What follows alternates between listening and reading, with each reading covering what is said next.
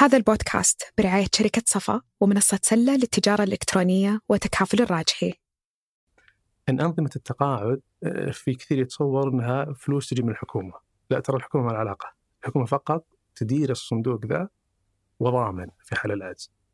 لكن الصندوق هو صندوق المواطنين ما بين متقاعدين ومشتركين.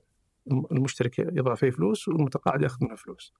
كثير من الناس يتصور أنه خلاص خلي الحكومة تحمل العجز هذا. لو حصل خلل الحكومة راح تغطي العجز ما في شك. لكن هذا بيكون على حساب أمور أخرى التغير الديموغرافي والتغير في تركيبة السكان وش أثره؟ الآن اليوم نسبة كبار السن إلى القوة العاملة اللي يسمونها ال dependency ratio 5.7% يعني 5.7% تقريبا متقاعدين والباقي مشتركين. في عام 2070 النسبة هذه بتكون 40% 40% متقاعدين؟ 40% متقاعدين. أهلا هذا فنجان من ثمانية وأنا عبد الرحمن أبو مالح كل دولة آه عندها نظام للتأمينات الاجتماعية والتقاعد السعودية تعمل بنظام تأمينات يضمن للمشترك أن يحصل على راتبه كامل إذا أكمل المدة النظامية راتبه كامل حتى يتوفى ومو بس كذا حتى بعد ما يتوفى هذا النظام كذلك هو الموجود في دول الخليج العربية باختلافات طفيفة هنا وهناك هل فيه مشكلة؟ ضيفي يقول فيه مشكلة ولازم لازم تتم إصلاحات أو قد تكون عواقب تأخير هذه الإصلاحات بألم أشد وين المشكلة طيب؟ المشكلة في أن سن آه، السن التقاعدي قصير مقابل زيادة واضحة في متوسط عمر الإنسان. المشكلة الثانية هو نظام التقاعد المبكر اللي يخلي الفجوة تكون أكبر مما يدفعه آه، المشترك من الاستقطاع الشهري وما يحصل عليه بعد التقاعد. تصل أنه يحصل على سبعة أضعاف من اللي دفعه تخيل. ومن اللي يدفع هذه الأضعاف كلها؟ هو أنا وأنت. المشكلة الثالثة هي أن نسبة الخصوبة أصبحت أقل مما كانت عليه في الجيل السابق. كانت تقريبا سبعة أطفال لكل امرأة والآن صار يا دوبك ثلاثة أطفال لكل امرأة. هذا بيخل بالتوازن التكافلي في نظام التأمينات. النتيجة أن العجز يزداد على كاهل التأمينات وهذا العجز يستمر ويتزايد بشكل قد يهلك الميزانية العامة للدولة وقد تكون الحلول حينها صعبة. طيب كيف نحل الموضوع بدون ما أحد يزعل؟ ضيفي عنده حل ما يزعل المتقاعدين ابدا. ضيفي الدكتور عمر المنيع اقتصادي وشريك مؤسس في شركة دينار للاستثمار. وما أنسى الشكر لرعاة هذه الحلقة شركة صفا ومنصة سلة. أما الآن لنبدأ. في الحلقة السابقة حمد في ثلاث حاجات. أول واحدة انها كتب تغريدة إن طريقة الجلسة خلته انه يبان أمتن. إيه. فأتوقع إنك هذا ارفعه فوق ظهرك. خليه في ظهرك العلوي. كذا. بيخلي جلستك إيه. لا ما عندي ما عندي هذا أول واحد. إيه. انه طلع أحيانا واحد أمتن مما هو عليه. عاد مجتهد الشهرين الماضيين طيحت خمسة كيلو. ما ودي. هذا واحد. اثنين إن هو فيه موضوع آه اتكلم فيه؟ بس يعني خلي يعني حاولت إنه ما يستفيد فيه وهو موضوع حلقتنا هذه كلها. يعني ما سمعت إيش قال عليه؟ اي سمعت. أيه.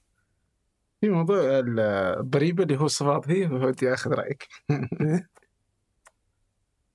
بس ليش إذا إذا كل الاقتصاديين يتفقون إن إن ضريبة الدخل أحسن من ضريبه القيمة المضافة؟ فليش ما يطبق؟ أنا أقول خليه آخر الحلقة، إيش رايك نبدأ في التقاعد وبعدين نرجع أحسن. اللي تبي. طيب إيش مشكلتك مع التقاعد؟ أه، لا بالعكس. شوف التقاعد هو اشكال أول شيء خليني أقول لك صدق صدق. صدق. أتوقع إنك لا يمكنك تقنعني. إيه. أنا ملاحظ في حلقة حمد واضح انه إني بواجه مشكلة. أنت ما تقدر تقنعني. أنا أتوقع إني ما راح اقتنع حلو. لكن قد نتفق على بعض الأشياء. ممتاز. أوكي؟ بس جاهز؟ إيه. لا بس بس كويس إنه يعني كويس إنك انت تاخذ الجانب الثاني على أساس يعني آه، على أساس الموضوع ياخذ حقه شوي. لا أنا جا باخذ انساني وأنتم الاقتصاديين. الانسانيه لا في معياركم إيه. لا لأن لأننا إنسانيين إحنا بنضمن الاستدامة المالية على أساس الأجيال اللاحقة تأخذ ونجي على الموضوع يعني. طيب إيش مشكلتك مع التقاعد؟ الت- التقاعد أول شيء خلينا نفهم شلون أنظمة التقاعد تعمل. يعني أنظمة التقاعد اليوم في نوعين أنظمة التقاعد، في النظام ال- ال- الت- التكافلي خلينا نسميه اللي هو DB اللي defined benefit pension بس هذا تسميه تكافلي خلينا نسميه تكافلي عشان أسهل. ليش تكافلي؟ لأن يعني المشتركين اليوم يدفعون للمتقاعدين اليوم والفائض يستثمر. المشتركين اليوم إحنا إحنا اليوم إحنا اليوم نعمل مشتركين فالفلوس اللي نودعها إحنا في التأمينات الاجتماعية تأخذ التأمينات تدفعها للمتقاعدين والفائض يستثمر هل في. فائض؟ في فائض هذا النظام الأول اللي هو defined benefit pension النظام الثاني اللي هو defined contribution اللي خلينا نسميه نظام الحصالة. ليه؟ لأن هي فلوسك أنت لحالك.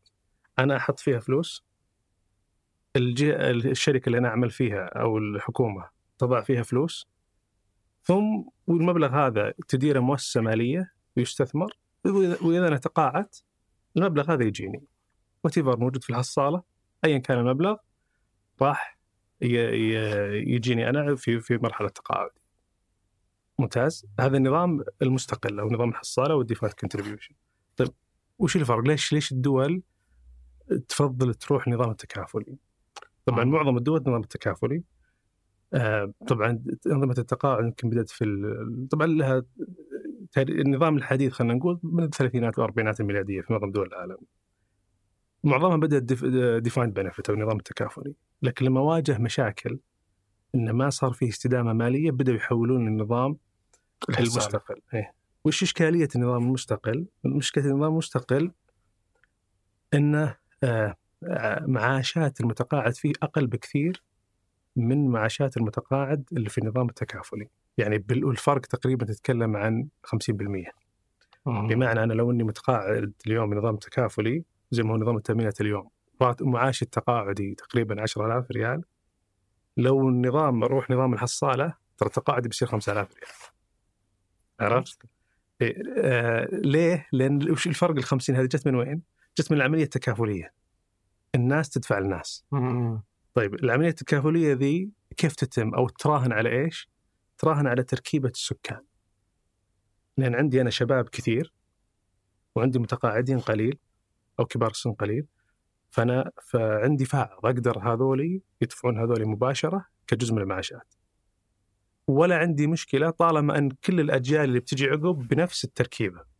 يعني إحنا اليوم جيلنا صحيح إن عددنا كبير جدا قاعدين ندفع اليوم متقاعدين قليلين لكن إحنا إذا تقاعدنا المفترض يجي جيل بنفس النسبة والتناسب عشان يدفع لنا. طيب مم. إذا ما جاء جيل بنفس النسبة والتناسب وش يصير؟ تصير أزمة تصير أزمة. طيب خلينا نجي اليوم للأرقام.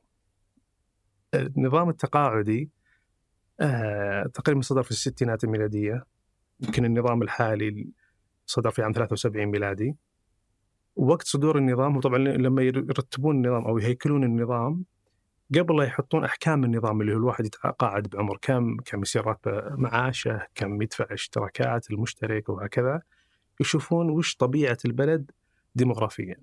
كم كبار سن، كم متوقع يصير كبار سن مستقبلا، كم؟ ويوازنونها بناء عليها. وهذه يسمونها الدراسات الاكتواريه. وقت النظام لما عملوا الدراسات هذه كان آه، متوسط عمر ال- ال- ال- الفرد آنذاك تقريبا 56 سنة عام 73 نتكلم عن السعودية. السعودية. الآن ارتفع إلى 76 سنة فعندنا زيادة 20 سنة. أيضا معدل الخصوبة. اللي هو المرأة كم يعني كم يكون عندها من آه، طفل هذه آه، كانت 7.3 لكل. متوسط لكل مرأة اليوم 2.2 في السعودية وإذا نشوفه بين السعوديات بس هو في 2.8 فانخفاض ضخم جدا طيب الانخفاض هذا وش يأثر عليه؟ يأثر عليه إنه إذا جاء مرحلة تقاعدنا اليوم وضعنا كويس لأن إحنا كمشتركين إحنا السبعة فاصلة إحنا السبعة فاصلة فإذا جاء ال... إذا جاء وقتنا بيجون ال 2.8 آه. بيجي الجيل الجديد وإحنا أصلا بصير, بصير نعيش أطول. فهنا المعادلة رياضيا ما تتم لأن هنا نقطة مهمة. إن أنظمة التقاعد آه، في كثير يتصور إنها فلوس تجي من الحكومة. لا ترى الحكومة ما علاقة. الحكومة فقط تدير الصندوق ذا وضامن في حال العجز لكن الصندوق هو صندوق المواطنين ما بين متقاعدين ومشتركين المشترك يضع فيه فلوس والمتقاعد يأخذ منه فلوس دور الحكومة إن حتى حسب النظام لابد كل ثلاث سنوات يعمل دراسة اكتوارية حتى نشوف ملاءة هذا النظام وإنه مستدام لأن لو حصل فيه أي خلل بيصير فيه إشكالات كبيرة. طيب التغير اللي قلناه قبل شوي اللي هو التغير الديموغرافي والتغير في تركيبة السكان وش أثره أو وش الأرقام اليوم؟ الآن اليوم نسبة كبار السن إلى القوة العاملة اللي يسمونها ال dependency ratio 5.7% يعني 5.7% تقريبا متقاعدين والباقي مشتركين. في عام 2070 زين دائما دراسه دكتورية تشوف 50 سنة قدام أنا قاعد أشوف استدامة النسبة هذه بتكون 40% 40% متقاعدين؟ 40% متقاعدين آه. إيه طبعا 40 ما هو من 100 40 من 140 يعني هي النسبة يعني 40 عندي متقاعدين وعندي بيكون يعني 100 بيكون عندي 100 بيكون عندي 100 مشتركين. مشتركين. يعني يعني خلينا لو نشوفها بطريقة ثانية اليوم كل متقاعد امامه 20 مشترك يدفع له تقاعده النسبة 5% في وقتنا تقاعدنا آه، بيكون تقريبا النسبة هذه 2.5 يعني قدام كل متقاعد مشتركين 2.5 بدل ما هو قدامه 20 في النظام التكافلي هنا ما راح يعمل بشكل كفؤ مثل ما كان يعمل كم يتطلب علشان يعني يكون في نقطة تعادل أو يكون مكان آه، الاستدامة فيه آه، موجودة؟ إنه كم نسبة آه، كم متقاعد كم مشترك يدفع لكل متقاعد عشان يكون تمام؟ هي هي يعني هي عملية توازن. بمعنى أني أنا كم يتطلب يعتمد على أنا وش عندي من أحكام نظام يعني أنا اليوم كم سنة تقاعد عندي آه. كم كم أدفع اشتراكات كم راتب المتقاعد التقاعد المبكر وأحكامه وغيره. هذه لابد أوزنها بطريقة تتناسب مع اللي قاعد يصير في البيئه التركيبة السكانية. وضحت؟ فهو كم يناسب طبعا الجواب أرقام اليوم كمعاشات تناسب تركيبة سكان وقت النظام.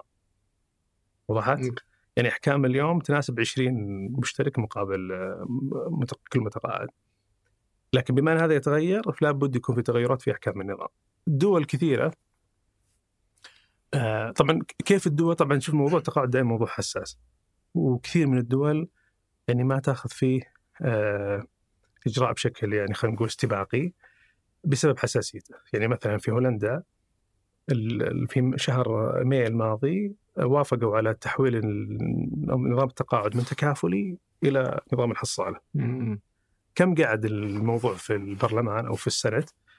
جلست 14 سنة مداولات ونقاشات لأن الموضوع والاشكاليه إن هذا له تكلفه يعني كل ما تأخرت كل ما صار الأثر آه، أكبر بكثير. يعني الدول اللي استطاعت إنها تغير بشكل استباقي ما اضطرت إنها تحول من نظام التكافل لنظام الحصالة. ليه؟ لأن قدرت تغير الأحكام التقاعد بشكل بسيط. مثلا أرفع سن التقاعد من 60 ل 65 أرفع شوي الاشتراكات. أقل شوي المعاشات مثلا. طبعا نادر ان احد يمسك المعاشات أو يلمس المعاشات. لكن الفكرة إن الدول اللي استطاعت تواكب وتغير أنظمتها بشكل مستمر هي اللي استطاعت تحافظ على الاستدامة ولا اضطروا يحولون إلى نظام الحصالة. آه فأنت ممكن تكون مستدام بدون ما تحول حصال؟ نعم ممكن تكون مستدام okay فلا تزال أغلب دول العالم اليوم على نظام لا يزال إيه. التكافل إيه في التكافل إيه. لا يزال لا يزال الغالبية ولكن صار في تغير آه، جوهري من جانب آخر كثير من الدول بدأت تقلل النظام التكافلي بالتوازي مع اللي قاعد يصير في في الطبيعة الديموغرافيه للبلد ولكن أضافوا له النظام اللي هو التقاعد الاختياري أو الاشتراكات الاختيارية اللي هو يسمونه الركيزة الثالثة. م. هذا فكرته إن اليوم أي أحد متقاعد اليوم خلاص أنت اشترك في الدولة بالنظام التكافلي لكن ترى الاشتراك هذا يعني يعطيك الحد الأدنى للمعيشة إذا جيت تقاعدت يعني يعطيك حد الكفاف. تبي أكثر تروح تشترك في آه، نظام اختياري والنظام الاختياري يصير له حوافز أما الحكومة تدعمه أو الحكومة تعطي عليه اعفاء ضريبي أو الحكومة تضمن حد أدنى من العائد اللي يسمونه ال notional DC. فهذا هذه بعض الدول يعني صار هذا هو خلينا نقول النظام الشائع في في في أكثر الدول. آه وصار شوي يعوض يعني لو اخذنا أمريكا كمثال في ال social security هذا هو النظام التكافلي بس إنه يعطيك الحد الأدنى. يعني المتقاعد اللي يعمل 40 آه، سنة أو المتقاعد اللي عامل 40 سنة أول راتب في التقاعد مقابل آخر راتب اللي يسمونه الريبليسمنت ريت أو معدل الاستبدال آه، في أمريكا اليوم 39% آه، طبعا عندنا في السعودية 100% لو عملت كامل تاخذ راتب كامل.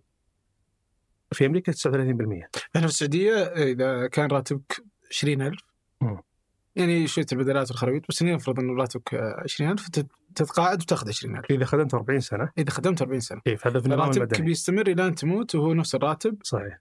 آه إيه. في أمريكا إذا كان راتبك مثلا 10000 بيصير 3900 ما شاء الله. إيه. آه لأن هدفهم هو إن هذا يعطيك الحد الأدنى. إيه. لكن في ال 401 كي اللي هو اختياري لكن يعني تقريبا يطبق في معظم الشركات في أمريكا. لو لو الشركة ما طبقت يمكن ما حد يشترك معها ما حد يتوظف يعني في الشركة هذه. باستثناء بعض الشركات الصغيرة. هنا عليه حوافز ضريبيه وغيره. في المتوسط في أمريكا اليوم زي ما قلنا 3900 ريال تجي من النظام التكافلي أو ال social security program 4200 ريال تجي من ال 401 k النظام التقاعدي. أوكي. فهذا اللي يصير إنه الموظف الاختياري الموظف يدفع والشركة تدفع. والشركة تدفع. إيه.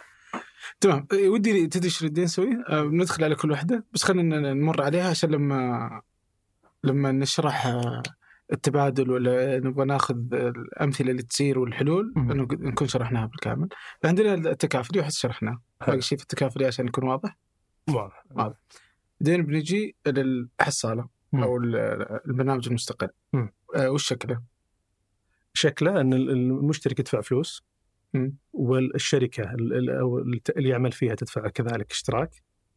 والمبلغ هذا يودع عند مؤسسه ماليه ويستثمر في طبعا في خلينا نقول محافظ مختلفة تختار المحفظه اللي تناسب.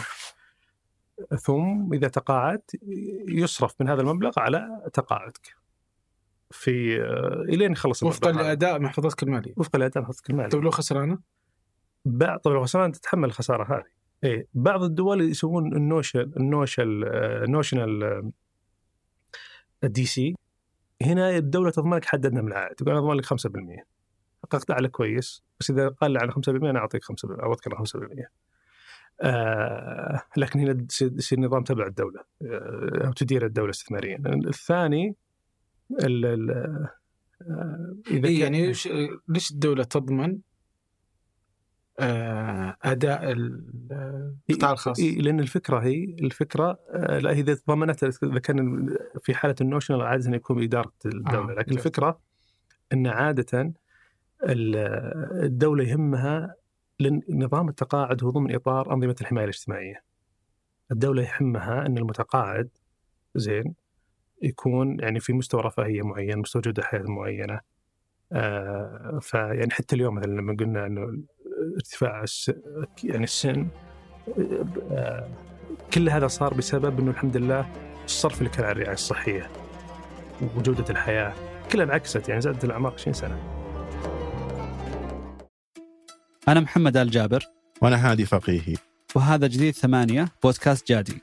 كل أسبوع بنجلس نتناقش حول مواضيع اقتصادية واجتماعية ونتناولها من زوايا مختلفة. ونعرض فيها سياق جديد للأحداث والظواهر الاجتماعية. اشترك في بودكاست جادي من خلال الرابط في وصف الحلقة.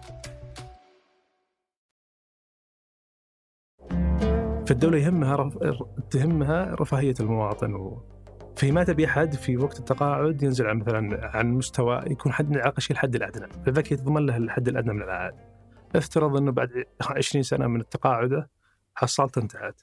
الدولة تبدأ تدخل في أنظمة الحماية الاجتماعية الثانية.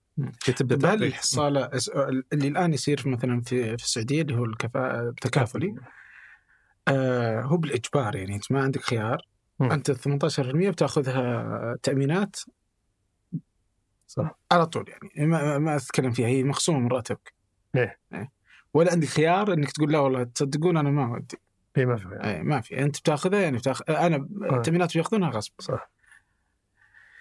في الحصالة هل هو إلزامي مم. في الدول اللي تطبق هذا؟ ودي أعرف أصلا وش الدول اللي تطبق بس هل هو إلزامي إن إنك يجب إنك تحط هذا الكم من الفلوس؟ بس وين تحطه؟ ما أدري. بس لازم هذا الفلوس تطلع ولا لا؟ ولا هو اختياري؟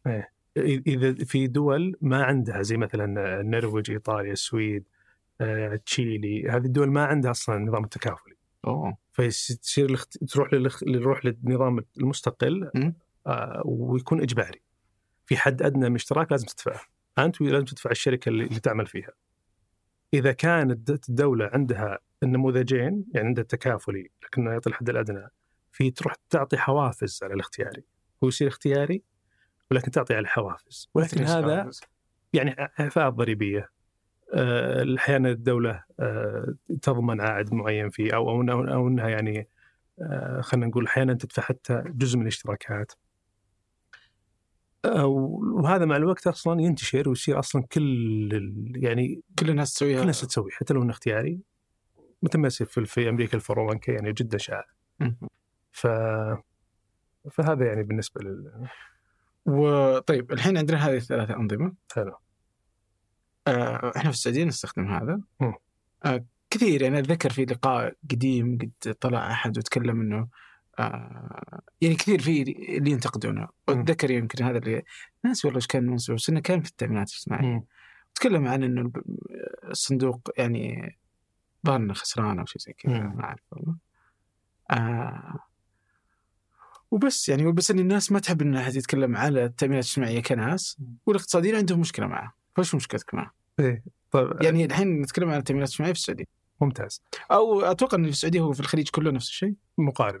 كلها كلها مقارب. كلها تكافل كلها كل- إجبارية إيه، كلها, كلها كلها من ناحية كلها تكافلية وكلها حتى نسب استقطاع مقاربة واحكام كلها تعطي مقاربة.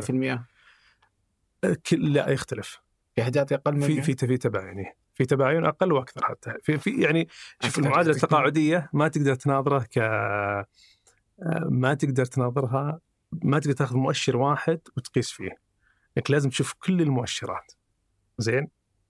آه يعني لازم تشوف كم الاشتراك وكم المعاش وكيف حساب المعاش. يعني إذا ياخذ آخر راتب غير ياخذ افرج متوسط آخر راتب آخر سنتين. بعضهم ياخذ كل سنوات الخدمة. وإذا ياخذ كل سنوات الخدمة هل يسوي في شيء يسمونه الفلورايزيشن أو إنه يحسب الراتب بناء على التضخم. يعني راتب قبل 20 سنة كان 7000 ما يحسب 7000 يسجل 12000 لأنه يشوف آه، القوة الشرائية له. ففي نظام التقاعد شبه مستحيل إنك تأخذ مؤشر واحد وتقيس عليه في صح. الدول الثانية. لكن أنظمة الخليج بما ذكرته راح نجي على نظام التأمينات الاجتماعية في عندنا في السعودية في نظام الخليج عندنا آه، كثير طبعا كل كل أنظمة الخليج آه، تعاني نفس الإشكالية. مستوى الاستدامه الماليه فيها ضعيف جدا. آه، يمكن الاستثناء ال- طبعا قطر نظام ال- ال- ال- التقاعد أو نظام التأمينات الاجتماعيات عندهم خلينا نقول طبعا ما في استدامة مالية. يعني جدا آه، غير قابل للاستدامة ولكن عدد المتقاعدين القليل يساعد وجود أحكام يعني شوي آه، خلينا نقول غير منطقية. يعني مثلا اليوم عدد المتقاعدين في قطر 18000 متقاعد. في السعودية عندنا أكثر من مليون متقاعد. هذا اليوم والنمو قاعد- ينمو بشكل كبير. فهل فهل اللي خلينا نقول هذه تعطي مساحة شوي. إن حتى لو صارت مشكلة ترى المشكلة قياساً. 18000 واحد قياسا بالأثر على المالية العامه واستدامه المال ما ما هو كبير. آه، باقي باقي دول الخليج لا عندها نفس الإشكالية وعملت على إصلاحات، يعني أبو ظبي غيرت في السنة هذه عدد من الإصلاحات يعني سن التقاعد المبكر آه، رفعوا من 45 سنة إلى 55 سنة طبعا لكن بشكل تدريجي. آه، نفس الشيء عمان اطلقت أصدرت نظام جديد السنة هذه في سبيل هذا الإصلاح وإنه يكون في استدامة مالية، طبعا عمان يمكن عندها أكثر من ثمان أنظمة تقاعدية ودمجت آه، وبالتالي صار يعني وصدرت أحكام جديدة ورفع سن التقاعد من 60 إلى 65 ولكن بشكل تدريجي. هذا بالنسبة للخليج. فكلنا عندنا نفس الإشكال وكل وكل الدول عندها نفس التوجه من ناحية إنها تبحث عن آه، إصلاح واستدامة أنظمتها. بالنسبة للتأمينات طبعا إحنا لازم إحنا أول شيء فهمنا المشكلة نظام التكافل كيف يعمل كيف جاء التأثير عليه من ناحية تركيبة السكان آه طيب وش وضع مثلا اليوم التنمية الاجتماعية؟ التنمية الاجتماعية اليوم مثلا الصندوق حجمه تقريبا أكثر من 300 مليار دولار. طبعا هذا شيء أنا أقوله لأنه ترى الوضع ليس بالسوء اللي نتكلم عنه لما أقول مثلا ترى 20 متقاعد أو 20 مشترك يدفع متقاعد والان بيصيرون اثنين. الموضوع هذا سيء أكيد، لكن لا زال عندنا مساحة كافية للتعديل والإصلاحات بدون ما يكون في أثر كبير يمس المشترك اليوم أو المتقاعد. آه مثلا اليوم صندوق التأمينات آه اللي أو الذراع الاستثماري لها اللي هي شركة حصانة أصولها أكثر من 300 مليار دولار. هذا يخليها من أكبر عشر صناديق تقاعد في العالم. يعني حتى يعني ناخذها في سياق آه، أو حتى تسهل المقارنة الصندوق أكبر من أكبر عشر صناديق تقاعد في دو في أفريقيا. فها مجتمعه يعني.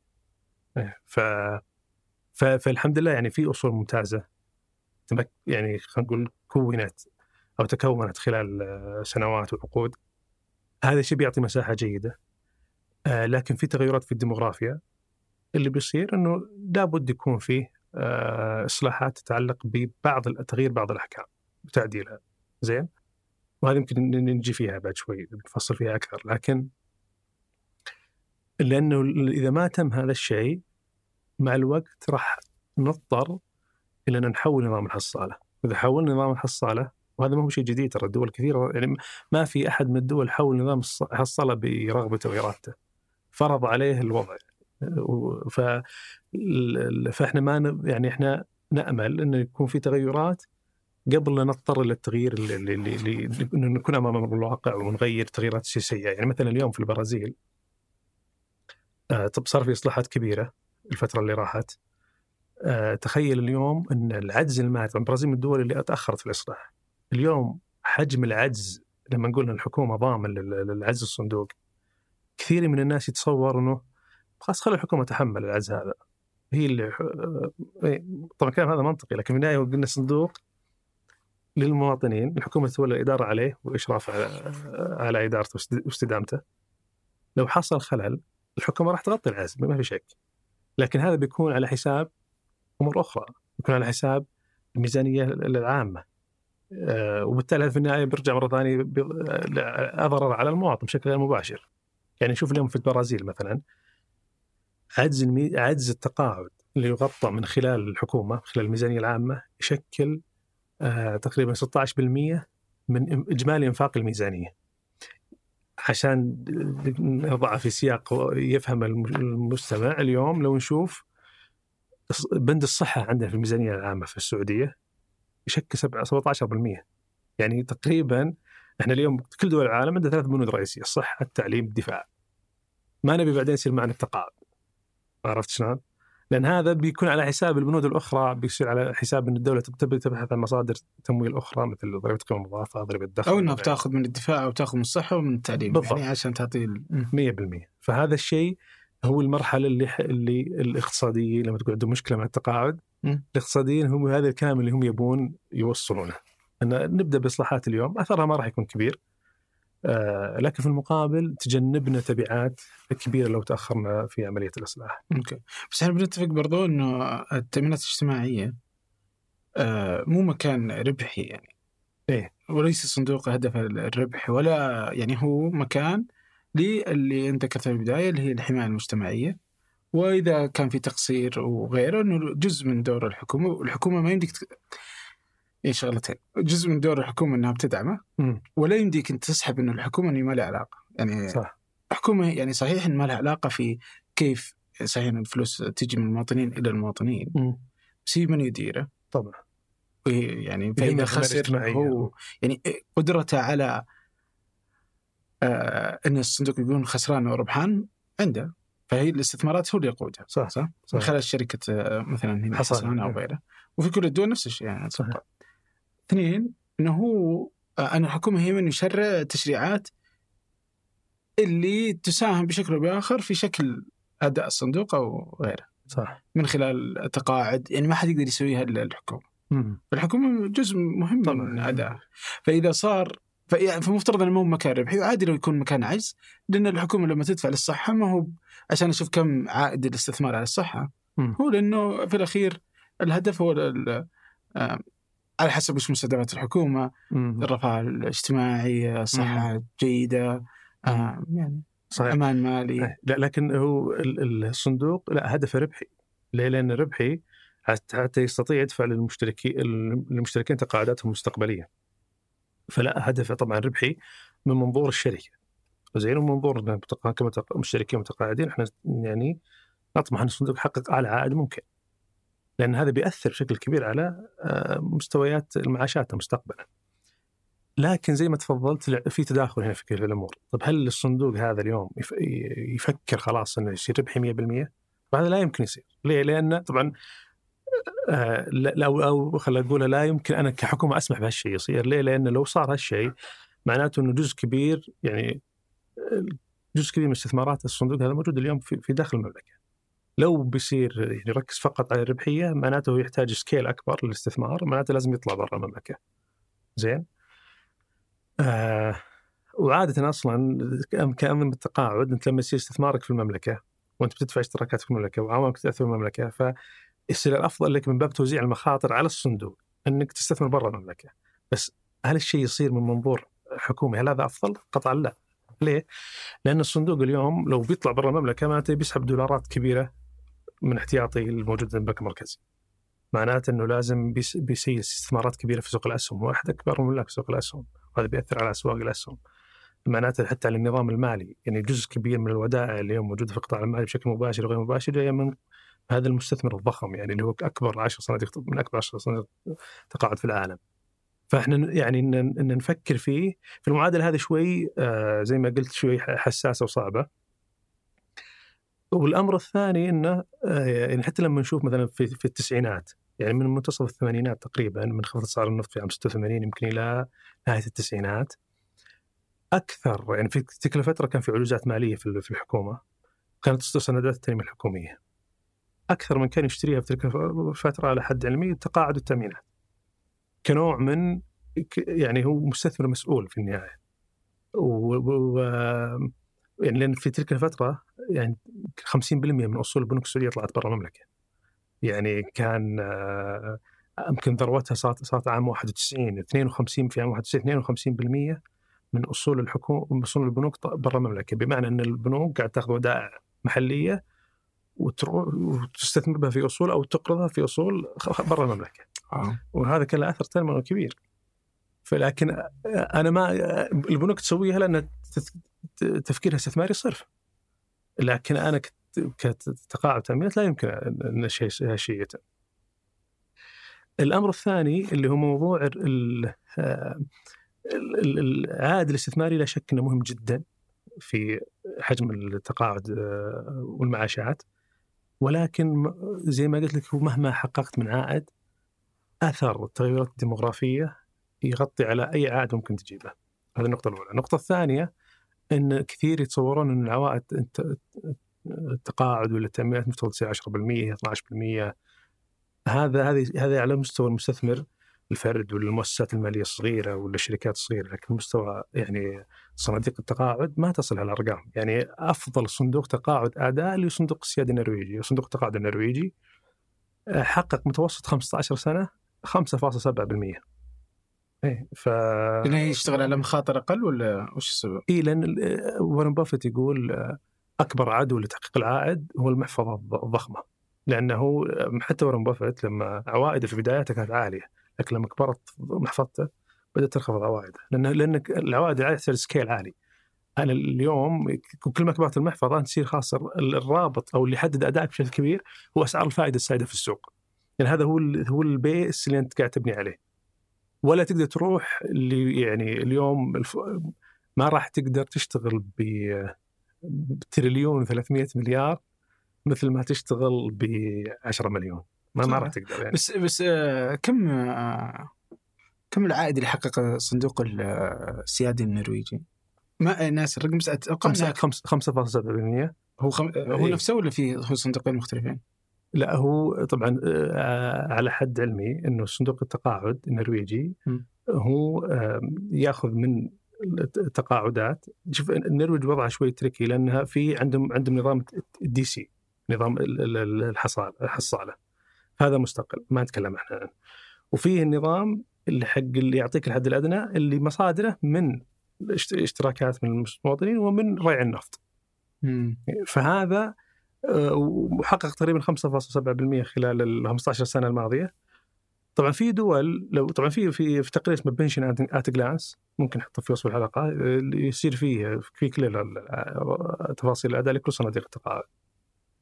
في دول مثلا كولومبيا تركيا حققت 9 10% لكن آه، قليل لا بس لا بسبب انهيار عملاتها آه. فهذا الشيء أصلا ما ما ودك أصلا شيء يصير يعني ف... لا لأن جيب بالي آه، يعني لأن إحنا عندنا صندوق الاستثمارات العامه اللي هو الصندوق السيادي أكبر للدولة آه، منفصل عن صندوق التأمينات الاجتماعيه إيه ما له علاقه إيه. إيه. فظننت إن في النرويج إن هذا الانفصال.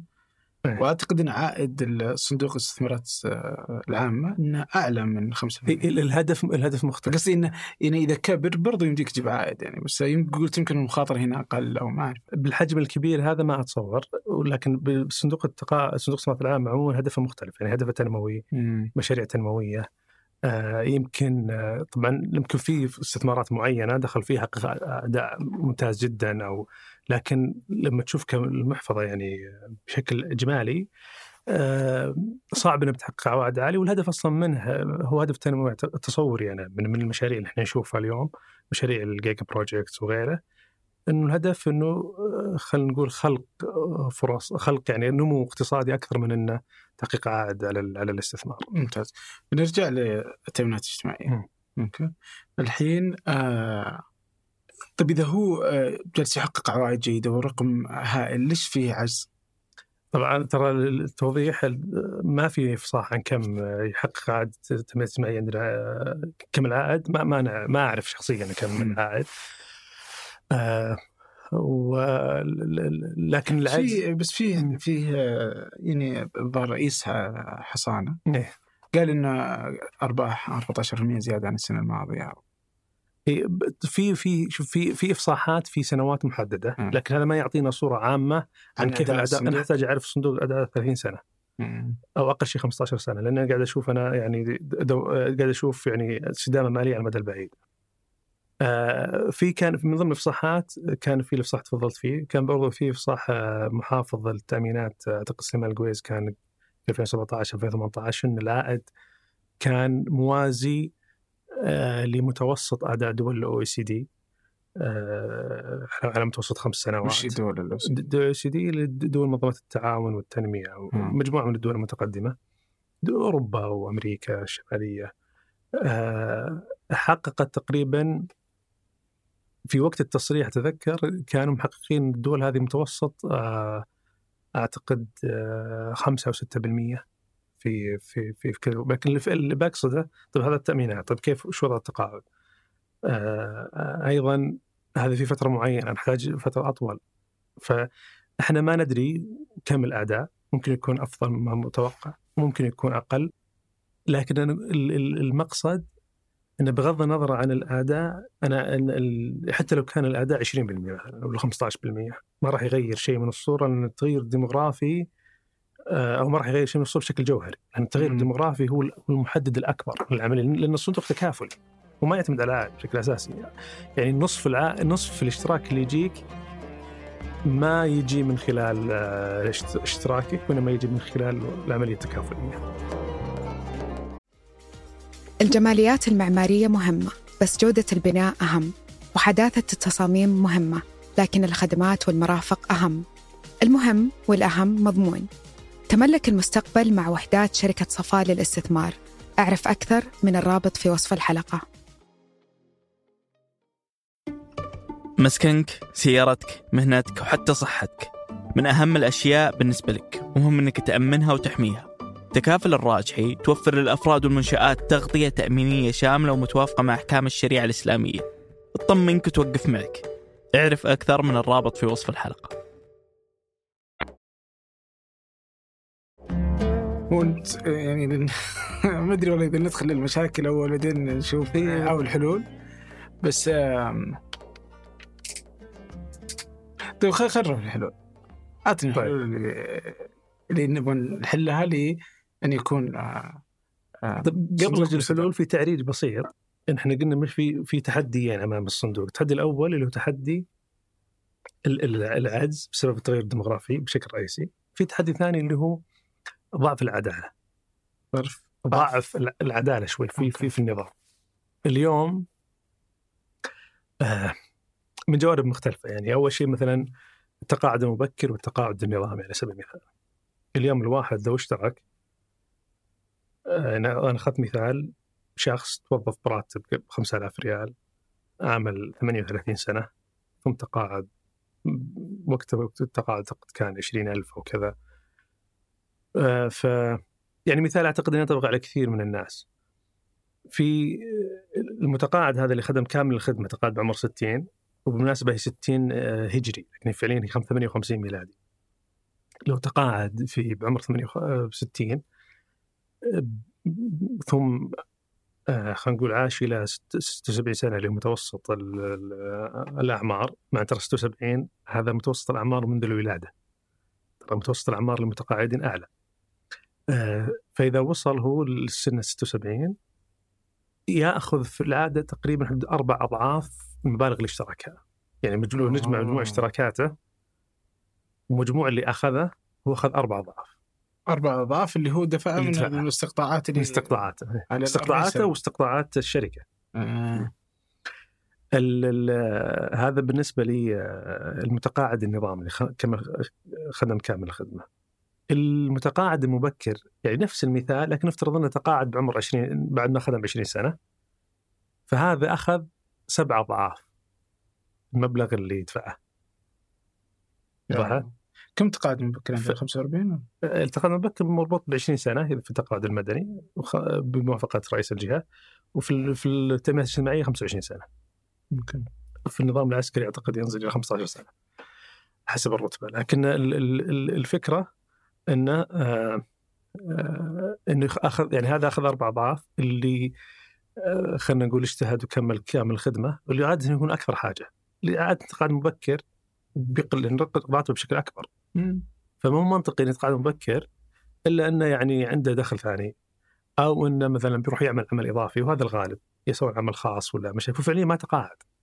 لكن هو استغل الثغرة الموجودة في أحكام النظام وبالتالي أنا فض يعني السبع أضعاف هذه أخذها من وين؟ من التكافل، أخذها من التقاعد النظامي، أخذها من فعدم وجود العدالة هذا شوي مؤثر. أوكي.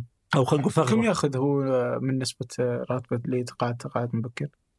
إيه، 50 5 50% 50% من راتبه ينزل. إيه 50% ال- طبعا على حسب كم خدم. يعني تبدأ من 50 عاد توصل إلى ان تكمل النظام اللي هو 100% ال- النقطة الثانية اللي هو موضوع بعض الثغرات في التأمينات الاجتماعية من فيما يتعلق بالراتب، الحين الراتب يحسب على آخر معاش التقاعدي يحسب على آخر متوسط آخر سنتين، عندنا سنتين؟ آخر سنتين في السعودية آه. إيه. فهم عادة تلقاه مسجل مثلا براتب منخفضة وهذا شوفوا اليوم ممارسة شائعة اليوم صارت. في الشركات يسجلون براتب منخفضة على أساس يخفضون الاشتراك اللي بيدفعه هو واللي بيدفع تدفع الجهة. لكن إذا وصل هو حول السنتين بيبدأ يرفع راتبه على أساس إنه يبدأ يعوض النقطة هذه. طبعا في صار في تعديلات عليه إنه صار في سقف أعتقد 10% لآخر خمس سنوات أو عشر سنوات. لكن بصورة عامة إنه صار فيه يصير فيه تلاعب في هالجانب فاللي يستخدم هذا الثغرة يح- يحصل يعني نقول عوائد عالية جدا مقارنة بغيره ويهلك الصندوق ويهلك الصندوق على حساب الباقيين طبعا آه. نفس الشيء ال- ال- ال- طبعا هذا بالمناسبة ترى صندوق التقاعد المدني أول ما طلع كان بنفس السيناريو كان ما تأخذ آخر راتب كان يحسب آخر متوسط آخر آه، سنتين لكن بعد ما صدر نظام سنتين صدر م- رسوم الملكي ب- آه، بتحديث الفقرة هذه وصار يعتمد على آخر راتب لكن النظام المدني ما في إشكال بحكم أصلا سلم حكومي ما يمكن أحد يقدر والحين. الغي اصبح التامين الاجتماعي واحد ولا؟ لا لا لا آه، دمجت الأنظمة الإدارية لكن أنظمة التقاعد لا زالت مستقله زالت مستقلة. فال ال- ال- آه، النقطة الثانية من ضمن عدم العدالة اللي هو موضوع السعودة الوهمية. آه إيه. التوطين الوهمي يعني يعني آه، ما حد يعرف كم الأرقام لكن مئات الآلاف أكيد من الموظفين سعودة. آه، هذول يشتركون مبالغ صغيرة جدا هو أصلا ما هو مشترك حقيقي لكن فقط يسجل اسمه على اسم وزارة العمل ووزاره الموارد البشرية وغيره. آه، وفي النهاية راح يتقاعد يعني راح تحسب له هذه خدمات آه، ما هي بمنطقية أو ما هي بواقعية في يعني آه، فوجود هالثغرات هذه هي في النهاية زي ما قلت لك هو هي صندوق من الجميع وإلى الجميع فإذا. راح من فئة بيأثر على فئة لاني شفت تغريدة على قبل كم يوم مم. لأحد فكان يقول إنه أفضل شيء تسويه لابنك إنك ت- تدخل التامينات الاجتماعية هو كتب تغريدة برضو للتامينات الاجتماعية فهي إيه. ثغره يعني هو إيه. هو ما يسوي شيء غلط إيه. بس إنه غلط صح اخلاقيا. إيه لأن فهو إنه أفضل شيء تسويه لابنك آه، إنك تدخله التامينات الاجتماعية من عمره 15 سنة صح. فإيش اللي يسوونه يعني أحس إنك تروح يمديك تحطه في اي مؤسسة فأنت تسوي مؤسسة إيه. تدفع 500 ريال رسوم آه، سجل تجاري تحط أولادك عليهم تجي تدفع آه، رسوم بسيطة ويحسب لي يمكن سبع سنين هو ما اشتغل. صح. الحين تقريبا سبع سنين أو عشر سنين من حياته هو لسه ما بين متوسط وثانوي وجامعة خلص عشر سنين. الحين باقي له 30 سنة. يتقاعد. صحيح. تقاعد آه، نظامي. نظامي. إيه. صحيح. لا في وجودها ثغرات إشكالية كبيرة. آه، أيضا أكبر إشكالية اللي هو عدم وجود العدالة أصلا بين الأجيال. إيش تقصد؟ يعني اليوم في الجيل يعني إذا استمرت هذه العجوزات بهالصورة وما تم إصلاح واستدامة مالية فهذا على حساب جيلنا. زين. جيلنا إحنا اللي موجودين اليوم في الاستديو. هذا إن إحنا راح ندفع الثمن ذا. وضحت الجيل اللي بعدنا راح يدفع الثمن مضاعف. ممتاز؟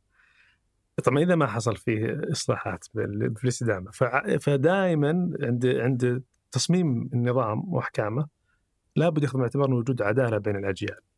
العدالة بكل بساطة ان يكون في استدامة مالية. بحيث إن نضمن إن إحنا إذا تقاعدنا بيصير عندنا تقاعد، عيالنا إذا تقاعدنا بيصير عندهم تقاعد وبمستوى مجزي يعني ما ما يكون يعني حد الكفاف ولا فهذا الشيء يعني مهم جدا. طيب نجي للموضوع اللي تفضلت فيه لموضوع الإصلاحات. وش ممكن يصير؟ طبعا فيه آه، زي ما قلنا بعض الدول اللي تأخرت عاد تحولت إلى نظام حصاله هذا إن شاء الله إحنا بعيدين أتصور كل البعد عن هالشيء طبعا أنا ب- للايضاح أنا طبعا ما لي أي صلة في موضوع التقاعد آه، اطلاقا الأمر الثاني ليس عندي كل المعلومات لأن كثير من المعلومات أصلا غير منشورة فهي فقط أمور تقديرية آه، لكن يعني آه، ونحاول احاول أحيانا أستفيد أنا أكثر شيء يعطيني معلومات اللي هو. لما يعرض التقرير السنوي للتنميه الاجتماعيه في مجلس الشورى. لأنه يصير في تعليقات من أعضاء المجلس على بعض على النظام وعلى كذا ويصير في أصلا صحفيين موجودين فيسجلون يعني فهذه أكثر شيء تلقى فيه معلومات يعني آه، آخر آه، آه، جلسة أعتقد كانت السنة هذه من ضمن الإفصاحات المهمة أهم إفصاح اللي هو موضوع العجز الاكتواري. كم العجز الاكتواري اليوم موجود عندنا؟ إحنا نتكلم عن عجز والمتقاعدين عندهم بشير كبير مستقبلا طيب العجز ذا كم قيمته؟ يعني إنه يفرق في السياق، أنا لما أتكلم عجز 50 مليار خلاص خلي الحكومة تحمل عادي ما في إشكال. فرقم العجز يعني أعتقد إنه مرة مهم. ولا ولا معلن رسميا ولا منشور لكن آه، ناقش أحد اعضاء مجلس الشورى في الجلسة الماضية وذكر إنه العجز 800 مليار ريال. آه. طبعا هذا العجز 800 مليار ريال طب إيش معنى المقصود العجز الاكتواري؟ إنه معناته الحكومة حتى تحل الإشكال ذا لازم تضخ اليوم 800 مليار. زين؟ ولا العجز الاكتواري على المدى البعيد أكثر من 800 مليار. لكن حتى أنا أحله أحط اليوم 800 واستثمرها عشان أحل أحل النظام، طبعا بحسب التص- التصريح أو ال- الموجود يعني. وهذا رق- رقم منطقي يعني إذا ما كان حتى متحفظ يعني. يعني فكنت متوقع إن في هالحدود والله متوقع ولا. تفاجأت؟ لا أنا تفاجأت إنه شوي كان أعطاني ارتحت كان التصور والله عندي أكبر من الرقم. بالنظر يعني الوضع الديموغرافي التغير الكبير بالنظر. طبعا شوف ال- الرقم يتغير من 800 مليار إلى تريليونين مثلا. ترى بناء على افتراض بسيط اغيره اللي هو مثلا افتراض معدل الخصوبه ترى هذا يغير كل المعادله يمكن يرتفع إلى 800 مليار 800 ترتفع إلى تريليونين مم. كنت أنخفض إلى 300 ل- ل- فهو يعني حساس جدا للافتراضات. آه، لكنه طبعا ما هو برقم مخيف. طبعا هو إذا شاف رقم مخيف لكنه الرقم هذا ممكن كله يروح بتعديلات بسيطة على النظام وهذا الشيء الجيد في في في أنظمة التقاعد. وش التعديلات اللي إيه التعديلات مثلا في خلينا ناخذ مثلا أمثلة. طبعا الدول أشهر شيء تغير الدول اللي هو رفع سن التقاعد. آه اليوم مثلا سن التقاعد وصل في بعض الدول اللي احتدت عندها مشكلة مثلا الدنمارك عندهم اليوم وصل إلى 74 سنة. إيه؟ لكن للي داخلين الجدد في سوق العمل. 74 سنة حتى اللي اليوم عمرك 22 سنة في الدنمارك ترى تقاعدك 74 في هولندا 71 للمشترك الجديد.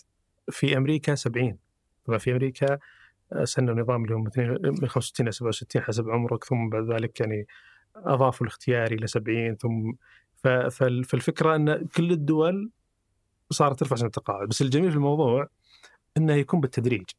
ما يرفع سن التقاعد مرة واحدة خلاص يعني بكرة ترى سن التقاعد 65 معناته إنه يا المتقاعد ترك تعمل خمس سنوات. اللي, اللي تعمل اللي على وشك التقاعد؟ اي على وشك تقاعد لا ما ما, ما يتم بهالصوره يعني عاد يعني أقرب مثال عمان. عمان رفع سن التقاعد من 60 إلى 65 آه، قبل ست شهور. آه، رفعوه بشكل تدريجي. بمعنى إنه السنة الأولى اليوم فعالة يعني خلاص اليوم سن التقاعد 61 بعد سبع سنوات يصير 62 بعد سبع سنوات 63 فاللي اليوم يعني 28 سنة اللي اللي باقي على خدمته 28 سنة هو اللي بيلحق على ال 65 مم. فدائما دا يعني دائما تغيرات التقاعد تصير بالتدريج وهذا مرة مهم. ان أنا واحد متقاعد يعني شو المفترض إن الحقوق المكتسبة ما تمس اولا. يعني المتقاعد اليوم اللي يجيه متقاعد يجي راتب تقاعد حتى لو كان بناء على معاد- معادلة غير عادلة ما ما له علاقة في الموضوع، يعني صعب تجي واحد متقاعد ياخذ راتب فجأة الشهر الجاي نازل راتبه 20% مو منطقي. فهذا الشيء دائما الحقوق المكتسبة في أنظمة التقاعد ما تمس. نفس الشيء اللي مشترك اللي له اشتراكات سابقة طويلة برضو يعني هو اشترك فيها وح- وحصلها بناء على النظام السابق فصعب إنك تغير فيها بشكل يعني آه، الأمر الآخر اللي على وشك التقاعد. اللي على على وشك التقاعد حتى سبع سنوات عشر سنوات. برضو إذا بيصير في تغيير إما ما يصير في تغيير يمسهم تماما أو تغيرات يعني طفيف طفيفة محسوب يعني بسيطة. لكن عاد إحنا واللي بعدنا لابد يعني هذا هذا هو اللي بي هو هذا هم اللي إحنا عندنا 58 58 إيه. إيه، 58 بالميلادي. بالهجري 60 فالفكرة آه إنه التغيرات التدريجية آه، أبو ظبي آه سنة التقاعد لما رفع من 45 إلى. إلى. إلى 55 على مدى 20 سنة يعني كل سنة يزيد ست شهور سن التقاعد المبكر آه مع إنه مفترض في هذا القياس إنه على طول في نفس اليوم 45 لسه يعني صحيح. لسه ما أدري قاعد إيش تسوي؟ 100% غير غير أثر الاقتصادي على البلد من ناحيه الإنتاجية وكذا أثر سلبي ما في شك.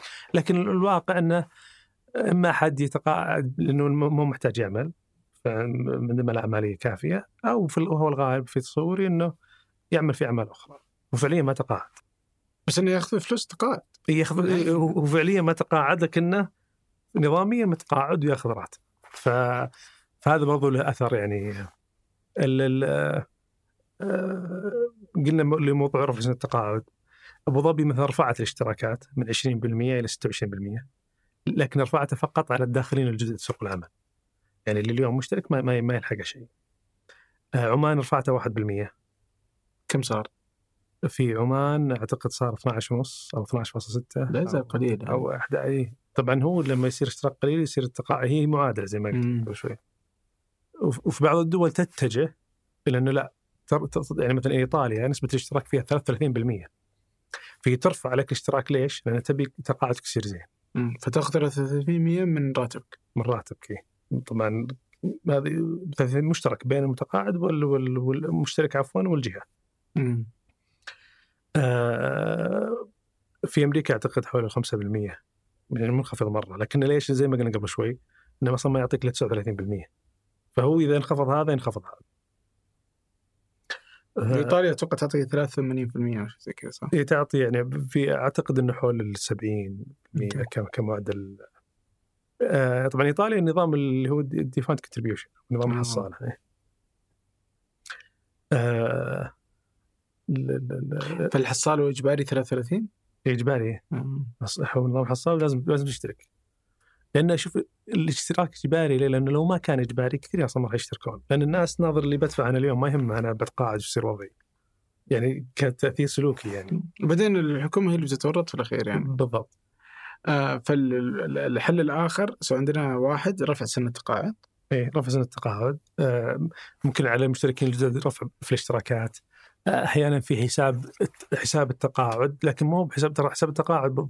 يعني في إشكالية ثانية عندنا اللي هو لما بني النظام كان متقاعدين متوسط الأعمار منخفضه 56 سنة صح. صح؟ طيب اليوم زاد ال ال ال بعد التقاعد صارت المدة أطول هذا معناته إنه برضو المتقاعد المفترض راتبه يربط بالتضخم يعني المفترض راتب أنت متقاعد راتبه يزيد صح. طب هذا إصلاح يمكن يأثر على الاستدامه المالية لكنه إصلاح منطقي. ليه؟ لأن اليوم آه، صار المتقاعد يعيش فترة أطول.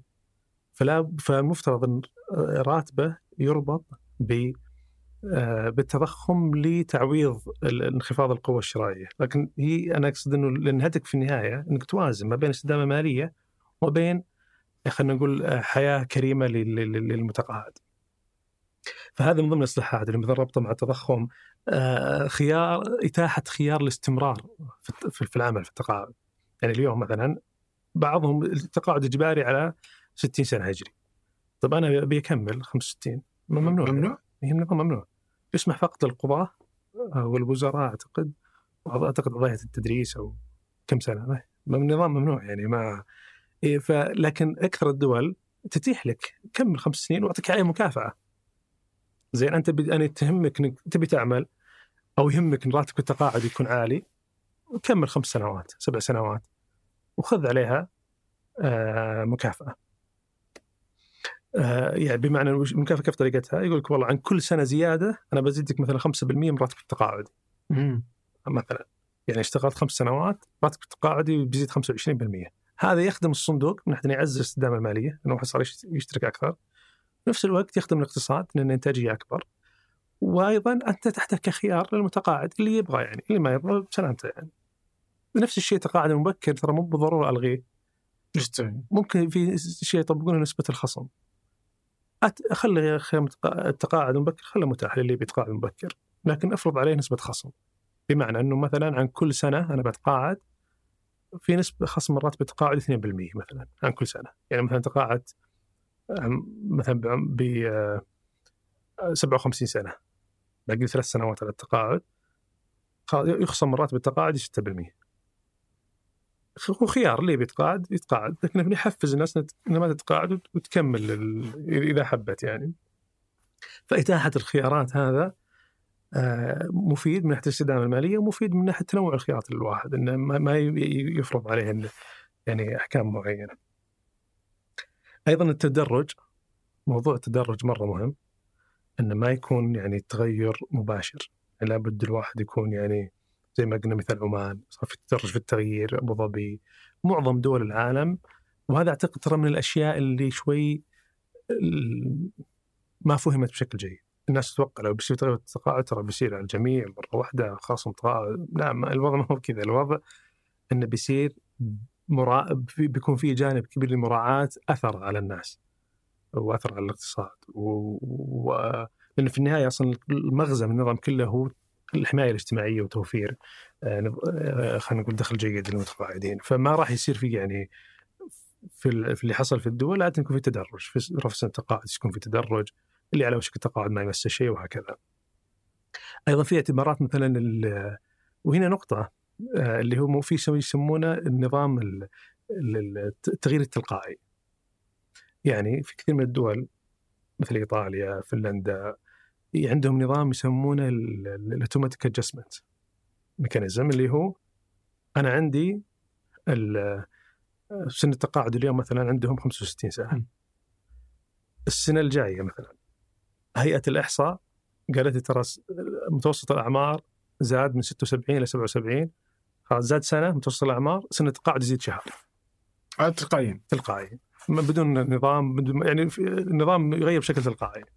في بعض الدول تراجع بشكل بأحكام النظام تراجع زي عمان. عمان كل خمس سنوات لابد تراجع سن التقاعد آه وتشوف آه وتراجع سن التقاعد بناء على التغير في متوسط الأعمار. في البلد. والحين نراجع كل كم؟ أنا ما في مراجعة لا. آخر شيء كان في السبعينات؟ إيه، آخر شيء لما سؤال ممتاز. طبعا إحنا في مراجعة اكتوارية كل ثلاث سنوات آه. اكتوارية. لكن كاحكام نظام ما, ما, ما في مراجعة. صار في مراجعة في عام 1421 تم تشكيل لجنة وزارية لإصلاح انظمه التقاعد. آه، يمكن أكثر من كم الآن لها؟ 24 سنة يمكن. آه، لكن المخرج اللي صار في وقتها إنه التأمينات الاجتماعية سابقا ما كان في تقاعد مبكر كان فقط موجود في الت- في ال- في التقاعد فأضافوه للتأمينات الاجتماعية. كان كان المقترح أنه يلغى من التقاعد المبكر فاضيف في التأمينات الاجتماعية. أه، وعلى فكرة ترى هذا ما هو بحديث اليوم يعني ترى في دكتور نسيت اسمه والله الأول لكن عتب الدسوقي كان أستاذ في جامعة الملك سعود كتب ورقة في عام 1990 عن اصلاح انظمه التقاعد. وأعطى نفس المقترحات رفع سن التقاعد آه، التقاعد المبكر كل يعني كل الكلام اللي إحنا قاعدين نقوله اليوم هو قال على عام 1990 فهو ما هو بشيء يعني موضوع جديد ولا موضوع آه هذا بالنسبة لموضوع الإصلاحات اللي تتم بشكل آه تدريجي بالتغيرات. ويمكن لكن أفضل مثال عليه اللي هو مثال ساند. ساند لما اقر كان 2% صحيح. لكن بعد فترة اكتشفوا إنه 2% كثير. إنه ما, ما عندنا الحمد لله بطالة وعطاله بال- كنا متصورينه فخفض إلى 1.5% صح. هذا النوع من المراجعة هو النوع اللي نقصده. سواء ما ما هو المقصود ترى المراجعة دائما ترى ضد بيصير مو في صالح الواحد أو ترى تشتغل أكثر. لا ممكن يصير العكس. تشتغل أقل لأنه والله معدل الخصوبة لاحقا تغير. يعني اليوم مثلا آه، آه، انخراط المرأة في سوق العمل المفهوم السابق إنه ترى كان إن إذا المرأة دخلت سوق العمل ترى معدل الخصوبة ينخفض بسبب خلاص المرأة تنشغل في عملها وكذا وكذا. لكن في دراسة طلعت مؤخرا اللي اكتشفت العكس. وش؟ إنه انخراط المرأة في سوق العمل ينعكس على معدل خصوبه أعلى. صحيح؟ هذه دراسة في السعودية ولا؟ لا دراسة على مجموعة دول. آه. فالفكرة انه آه، آه، أحيانا دائما التغيرات الاقتصادية تغيرات سلوكية يصعب جدا التنبؤ فيها. صحيح صحيح. فلو تغير بعدين سواء لصالح النظام أو مو- يتم التغيير بناء على أن نحافظ على استدامة مالية مستمرة. أوكي. أيضا موضوع موضوع الأعمال الشاقة ترى دائما تستثنى بعض الأحيان نقول شو أعمل 65 سنة؟ وأنا الأعمال الشاقة دائما تستثنى. والأعمال الشاقة مو مو بالضرورة من شغل مناجم ولا ممكن مهن يعني مثل التمريض مثل يعني لاحظت أنا رقم صراحة شد اهتمامي في تقرير السنة الماضية المؤسسه العامه للتنميه الاجتماعية اللي هو آه، المعلمين. متوسط تقاعد المعلمين 52 سنة. موظفين الحكومة عموما 58 سنة تقريبا. فالمعلمين عندي يتقاعدون قبل بست سنوات. طبعا هذا مفهوم العملية التعليم شوي ترى منهك. صحيح. يعني آه، آه، يعني ممكن من تجربة يعني د- د- درس في الفترة. يعني ست سنوات ست ساعات جالس وتشرح. تعادل يعني 15 ساعة جالس على المكتب. إيه، هذا وانت تدرس آه، بالغين عاقلين تخيل تدرس اطفال يعني. صحيح. ففي العملية شوي متعبة. فهذا ممكن يراعى. وفي لجان آه، تجتمع عادة معظم الدول يصير عندهم لجنة تجتمع كل سنة تحدد وش الأعمال الشاقة كم سن التقاعد آه، لك- لكل مهنة. وهذا وجد عندنا أيام ساند. ترى ساند لما صار في الجائحة والتعويضات صار في لجنة تدرس موضوع وش المهن اللي تستثنى المهن اللي تعطى وهكذا. أيضا من أهم الإصلاحات الموضوع الدعم لبرامج الركيزة الثالثة يسمونها اللي هو التقاعد الاختياري أو أنظمة التقاعد الاختياري. إحنا اليوم آه التغيرات الديموغرافية هذه كلها قاعدة تنبئ إنه راتب المتقاعد اللي اليوم يدرس في الجامعة واللي يدرس في الثانوي تو ما بعد دخل سوق العمل هذا غالبا إذا جاء وقت تقاعده بيصير أقل من من منظم تقاعد اليوم. فهذا يعني يؤكد على أهمية إنه يصير في نظام تقاعد اختياري. يشترك فيه المشترك اللي حاب اختياريا وتدفع ال- الجهة والحكومة تدعم هذا النظام وبالتالي حتى إذا جاء وقت التقاعد ولا يع- يعوض النقص اللي بيصير في أنظمة التقاعد وهذا هو اللي الآن صار أكثر يعني صار نظام شائع جدا. يعني معظم الدول اللي ما حولت نظام الحصاله وأبقت نظام التكافلي مم. أضافت الركيزة الثالثة اضافت نظام تقاعد اختياري. صار الناس في نظام ال- الحكومي اللي يعطيك آه، حد يعني معقول في النظام الاختياري اللي يعطيك مساحة أكبر. ممكن. فأنت تشترك فيه تدفع زيادة على المستقطع إيه. علشان تاخذ راتب أعلى؟ أساس تاخذ راتب تقاعدي أعلى. okay. طيب فالحين هذا اللي. الحين أحس عندي مشاكل كثيرة. مو أي. مشاكل عندي بس ملاحظات ممتاز. يمين ويسار. يا سلام. okay. آه وعليها نتناقش. مثلا آه يعني يجي واحد آه، أول شيء الدراسة اللي قلت اللي صارت آه أو الورقه البحثية اللي سواها كم كانت؟ عام 1990 قلت ولا؟ إيه 1990 من 1990 إلى عام 2023 وإحنا على أبواب 24 يعني وانت تقولون نفس الكلام. والواقع يقول غير الكلام. حلو. أوكي. فإما إنكم تقولون كلام مو بصح أو إنهم هم يسوون شغل مو بصح. حلو.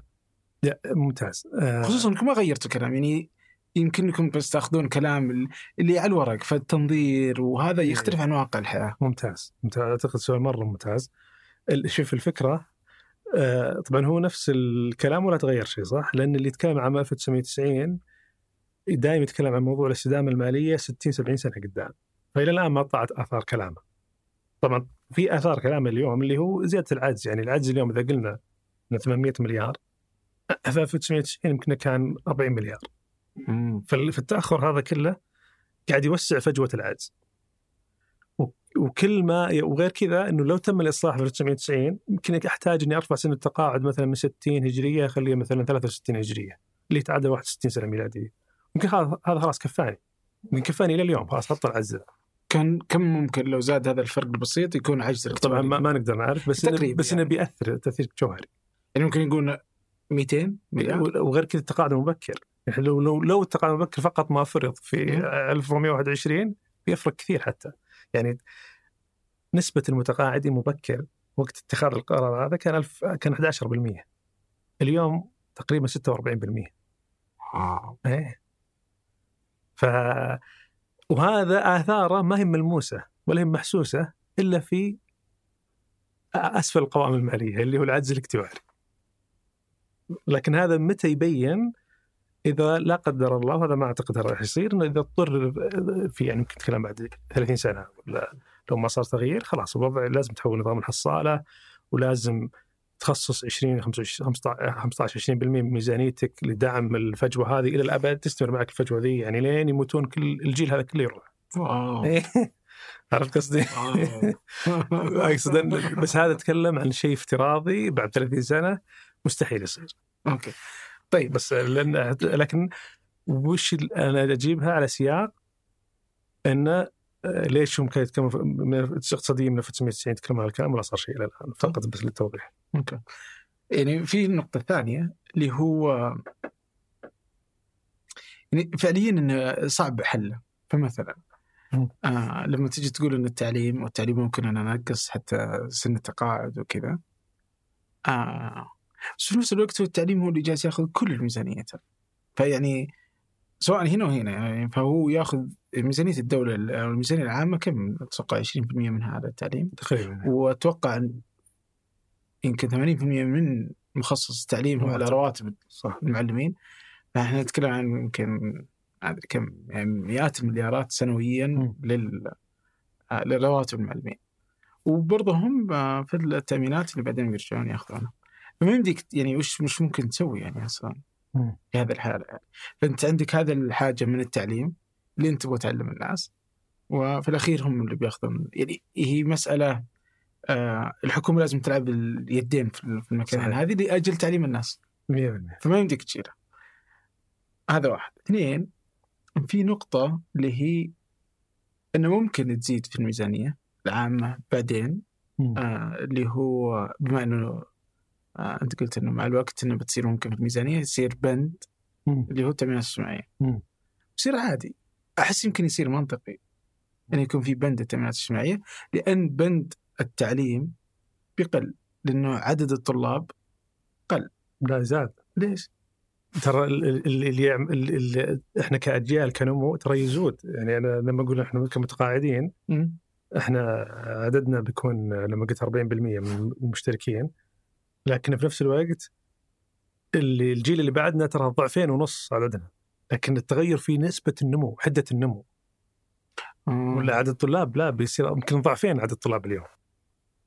إلا إلا صح ما أدري شلون حسبت. عرفت إلا بس لأنه جاب بالي إنه كل اثنين بس إنه في الأخير أصلا هم سبعة جابوا اثنين صاروا 14 إيه في التغير في معدل النمو. مم. إيه هذا هو اللي ولا ولا بيظل النمو بي- بيصير عدد بيصير أكبر.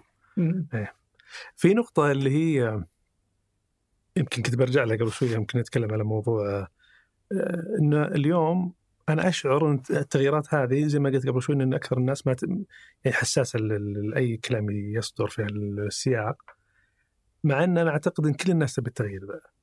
ما حد يبغى التغيير لا كل كل الناس تبي التغيير بس ما حد يدري. زين؟ وشلون؟ لأن أول شيء من اللي أكثر الناس اليوم حساس لموضوع التغيير؟ شوف دائما يعني في المجالس لو تكلمت أنا عن الموضوع تكهرب.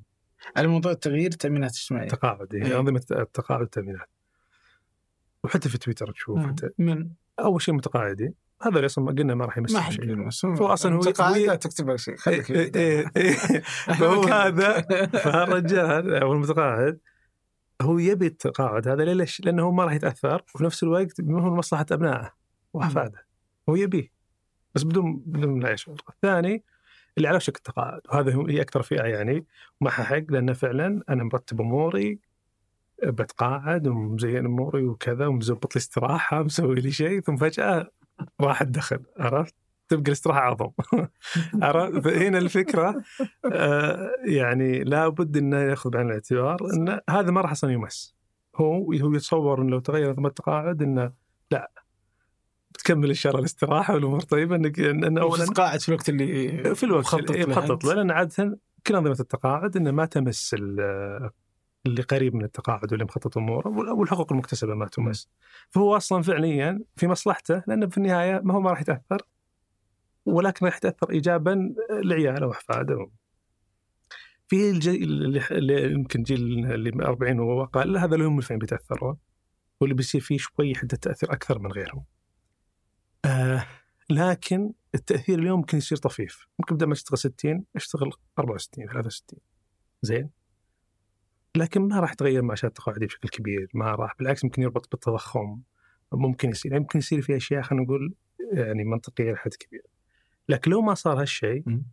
ترى يمكن تجي بعدين وضع يمكن معاشك يروح نصه مثلا اقصد لو آه. لو تأخر لو, لو صارت لو تأخرنا اقصد 30 سنة 40 سنة يمكن في نص مرحلة التقاعد يصير في إشكالات نظام التقاعد ما- ينخفض معاشك يصير أي شيء. بسبب التراكم هذا اللي حصل. صح فإحنا ن- يعني نرغب في التغيير. زي لصالح لصالحنا إحنا. آه في اللي باقي ما دخلوا. في اللي باقي ما دخلوا هذا طبعا بيصير عليهم أكثر أكثر نوع من التأثر بيصير عليهم بدون شك. لكن برضو لو ما صار يمكن ما يصير عندهم تقاعد أصلا إيه بي- بيصير خلاص يروح DC يروح لنظام الحصالة صح. عرفت قصدي؟ إذا راح لنظام الحصالة هنا بيصير حتى عليه نظام اسوء يعني لو راح بنظام التكافلي بأحكام أقل آه، بيكون أهون إلى حد كبير من لو حول نظام التكافلي بشكل كامل في عندنا أحس اللي أنا بتفق معك يمكن. أصلا ما أعرف من وين جاء اللي هو سن التقاعد ليش الإنسان يتقاعد أصلا؟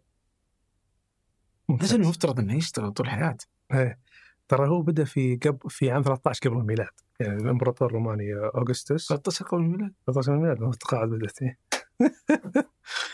زين آه طبعا تطبيقات هنا وهناك يعني مو بشيء يعني وش كان يسوي الأستاذ رومان؟ كان يعطي آه التقاعد ل طبعا للجيش. ل ل متقاعدين من الجيش. وصل وصل مرحلة معينة ما قدر يحارب. هو أصلا كل حياته عمره يشتغل في الجيش يخدم الجيش. فما قدر يبني مهنة. يقدر يقدر يورثها لعياله وقدر. ففي النهاية هو تقاعد هو يجي يقول تعال يا إمبراطور يعني خدمتك كل عمري الحين ما عاد عندي شيء. ولا أقدر الحين أحارب معك. فسن لهم نظام التقاعد. زي صار خلوا اللي يشتغلون في الجيش اليوم وهكذا. آه لكن أشهر تطبيق صار في عام 1875 اللي شركة امريكان اكسبريس هي اللي أول واحدة بدأت نظام التقاعد الحديث تقريبا. الدول بدأت تدخل فيه من الثلاثينات العشرينات الأربعينات الميلادية. بالشكل نظام التقاعد الحديث اللي نحن نعرفه اليوم. فالإنسان يتقاعد ضروري لأنه يعني خلاص يوصل مرحلة معينة ما عاد يستطيع إنه يعني يدي عمله بالشكل المطلوب. آه يعني هو حتى نوع من يعني البلد اللي ميزة كبيرة للسعودية وللخليج إن الواحد يتقاعد بعمر 58 ميلادي، يعني هذا شيء يعني هي ينم عن مستوى رفاهية عالي جدا في البلد. يعني في الدنمارك بيشتغل إلى 74 سنة. في أمريكا 67 ترى أمريكا عندهم تقاعد مبكر بالمناسبة. كم عندهم؟ تقاعد مبكر بس يبدأ من عمر 62 ف وعليه نسبة خصم فالفكرة إنه يعني طبعا إحنا نتفق إن أمريكا اسوء مثال المفترض ما حد يفكر فيه. صح؟ لا مو بالضرورة يعني هو هو أنا أقصد كل الدول كل الدول اضطرت إنها تغير لأن أصلا لو تشوف كل الدول تاريخيا وهذا بالمناسبة موجود في التقرير اللي إشرت له قبل شوي لو Pensions at a Glance آه في في جدول يعرض لك الدول كيف كان شكلها الديموغرافي عام 1940 وكيف شكلها اليوم. هذا بنحطه في نشرة الحلقة. ممتاز، هذا كلهم كل الدول تغير ديموغرافيا. فهذا هو السبب اللي خلى يعني كل الدول يعني بدأت بدأت تغير، متى بدأت الدول تغير؟ من 30 سنة. بس ليش؟ لأنه هم بادين ينقلبون 30 سنة. ف بس إنه أمريكا يعني نظامها سيء جدا يعني 25% من الناس آه، ما عندهم مدخرات لما يتقاعدون ما عندهم أصلا ولا شيء يعني ال social security أو الضمان الاجتماعي حقهم سيء جدا ما يعطيك حتى حتى الكفاف. صح. آه أغلب الناس يعني ظهر 50% من الناس ما يدفعون لأجل إنه يستثمر في يعني إيه. الناس لا تستثمر في إيه. مستقبلها. الناس لا تستطيع التنبؤ بمستقبلها. إيه. الناس ما تقدر ما تهتم للاجيال الجاية. الناس لا تهتم. لما يتكلم عن تغير المناخي مثلا ترى آخر همي صحيح لأني أنا ما انت بتقول الأرض ترى بتتدمر يقول لك ما يدخل يعني ما يقدر الإنسان صح. زي حتى السرطان اللي هو بيمس مباشرة تقول له ترى الأكل أو طبيعة نمط حياتك بيزيد نسبة حصول السرطان فيك صح وما يسوي شيء ما يغير مم. فما بالك تقول بسم الله يدخر عشان ما ما حيسوي صح صح. فامريكا أنا فهمتك الآن إيه. فيها مأساة ضخمة إيه جدا يعني ما حد هذا مثال إيه ما في مقارنة بين دول أوروبا مثلا ولا دول إسكندنافية إيه. مختلف تماما. لكن آه، شاهد على مثال من ضمن النماذج أو المنتجات المالية اللي ما ودي أقول شائعة بس موجودة يعني في أمريكا. يشترك فيها سنويا 50 ألف مواطن أمريكي. اللي هي يسمونها ال reverse mortgage. أو التمويل العقاري العكسي. وش فكرته؟ هو الرجال تقاعد جاء عمره 75 أو 80 كل المدخرات راحت. التقاعد أصلا كان هو جزء كبير منه جاي من ال four o 1 k اللي هو الاختياري. إذا عنده four o 1 k. وهذا خلاص يعني ما يستمر معك لأبد. إذا خلاص تخلص حصاله يعني عرفت؟ فالان وش يسوي؟ يروح يبيع بيته. يبيع بيته على من؟ على مؤسسات مالية. تجي مؤسسة مالية طبعا يبيع بيته بشرط إنه يجلس فيه. لين يموت. فتجي المؤسسه الماليه تشوف البيت تقيم البيت من ناحيه آه، حداثته آه، الحي وكذا. والارض نعم وتقيم الرجال. كم باقي يموت؟ كم باقي يموت. لأن هذا بيفرق في السعر عرفت؟ وتعطيه فلوس شهريا إلى يموت. اي شهريا أو أو, إيه أو أو تعطيه مرة واحدة. كيشة مرة واحدة ويأخذ المبلغ ويستثمر جزء ويرهن لهم ومباشرة يتوفى هو زي ما قلت قبل شوي هو يقول تقول الناس ما تكترث يقول خلاص ما علي تروح الورثة ما تروح. آه، خلها عيش استمتع فيها أنا الآن وبعدها. وهذا نظام سيء يعني أحس إن الرأسمالية في في شكلها الفج يعني المفترض إنه ما هو بمثال. لا لا طبعا بس أنا أجيبك شاهد فقط انه إلى أي مدى الأمور توصل يعني ما مو مثال فعلا إحنا إحنا نطمع أو إحنا نطمح ان إحنا ما نصل هذا المستوى. ليه؟ لأن أنظمة الحماية الاجتماعية لازم تصير أنظمة قوية جدا. وأنظمة يعني خلينا نقول مستدعمه والحكومة قادرة تدعم على طول الوقت لأنها تنعكس بشكل كبير على رفاهية المواطن في خلينا نقول في أكثر الأوقات اللي المواطن يحتاج فيها مجتمعه وبلده. بس يعني لما أقول على التقاعد صدق أنا ما أعرف ليش الناس تتقاعدوا مم. يعني صحيح في الأعمال الشاقة في الجيش في في أماكن أنا أحتاج إنك تكون إما إنك بطاقتك القصوى أو اني ما أبغاك. شو الأماكن المكتبية واللي هي أغلب الأعمال. الأماكن البسيطة. يعني ليش الواحد يتقاعد أصلا؟ صح؟ يعني الناس لما تتقاعد تخيل باقي 20 سنة. إيه. كثير إنك ما تشتغل. ابى أعطيك ثلاث سنين عشان تحس ان التقاعد سيء بعدين أرجع للعمل. لا وفي دراسة ترى حتى على انعكاس العمل في فترة التقاعد هذه على الصحة النفسية والجسدية شيء ترى غير عادي. انعكاس إيجابي جدا. اليوم نشوف كثير من المسؤولين اليوم وصل اعمارهم في 70 وفوقها. كثير من رجال الأعمال أعمارهم في يمكن بعدهم حتى بتجاوز ال 80 ويا- ويداوم كل يوم في المكتب ويتابع أعماله. لأن لكن طبعا هذا الشيء هو شيء تفضيلي يكون اختياري لكن صعب الدولة تجي تفرض على الجميع. يعني ما الناس مو بواحد. يعني ما في مشكلة بس إيه. منطقي إنك ترفعه. يعني إذا يعني في في مستهدف إنه ظهر 20 30 إنه برضه متوسط الأعمار يوصل 78 آه إيه. ف- فكل شيء جالسين يعني هو ف- شيء- فعمر هو نتيجة. يعني إيه، إيه. إيه. فمنطقي برضه إنك أنت ترفع آه، 58 قليل مرة إيه.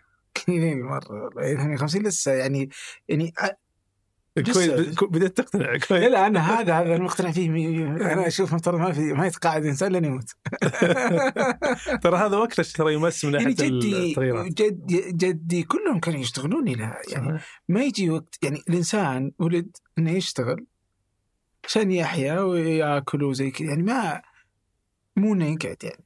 مم. صدق يعني ما هو منطقي. إنك تقعد يعني. إيش تسوي؟ يعني ما في شيء بس قاعد في البيت. يعني تطفش تصير أزمات صحتك تدهور يعني أحس إن في اشياء كثير يعني. طبعا. أنا متفق معك يمكن بزيد تكه في التقاعد. ما عندي مشكلة يعني. ممتاز. آه. طيب بس بس بس إذا ناخذ الصورة الكبيرة كذا. إن واحد انه ما في مشكلة إنه يكون عند الخليج نظام رفاهية زي ما لما نتكلم إحنا عن الدول الإسكندنافية في الرفاهية اللي يعيشونها.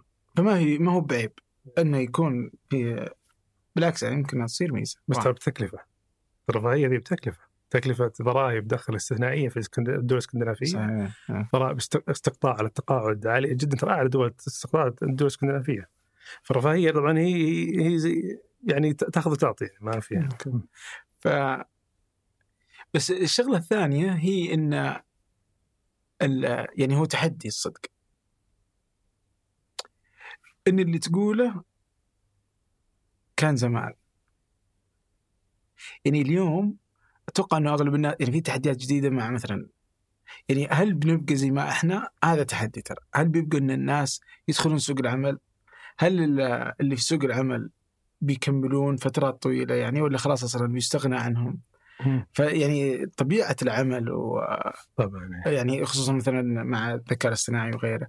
ففي ناس اللي طالب مثلا باللي هو اليونيفرسال بيسك انكم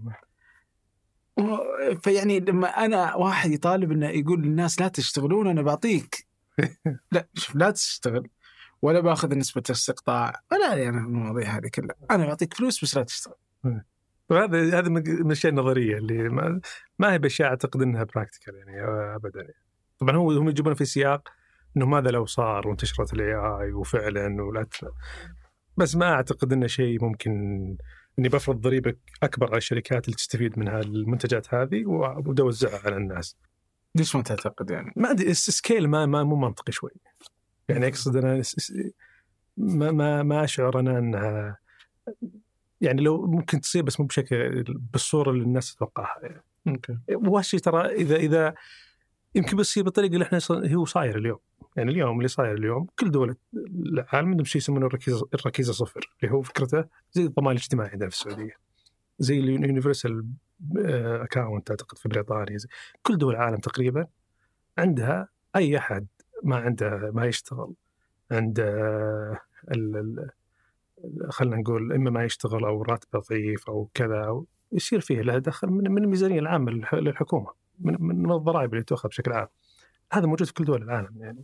فإذا هو يقصدون شيء بهالنوع فممكن هالشيء يصير. لكن هل بيصير بدرجة أو بس- بسكيل يسمح لي إن الأمور تصير مستدامة وكذا؟ هذا اللي شيء فهي فكرة إن الاستدامة غير منطقية. إيه. غير غير موجودة في هذا الجانب. مم.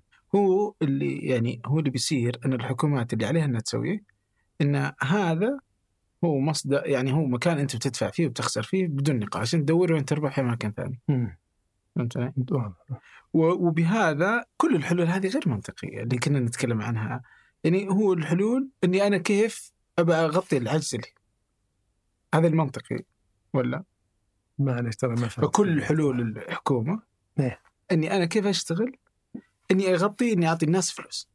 بس ما يمديني أجيب كيف أخلي الناس تدفع أكثر ما هي ما هي سالفتي يعني في بيصير عجز الضمان مم. الاجتماعي أو. التأمينات الاجتماعية بتصير مصدر كلفه على الدولة مم. هي ما يمديها تكون مكان مستدام وين تكون مكان مستدام إن تصير عندي أرباح كدولة من أماكن كثيرة إيه. تغطي هذا العجز اللي دائما موجود إيه. وبيزداد اي وضحت وضحت شوف هذه طبعا كل الدول عندها أن أن أن التوجه هذا لأن اليوم حتى لو تشوف مثلا اللي قاعد يصير مثلا في رؤية 2030 مم.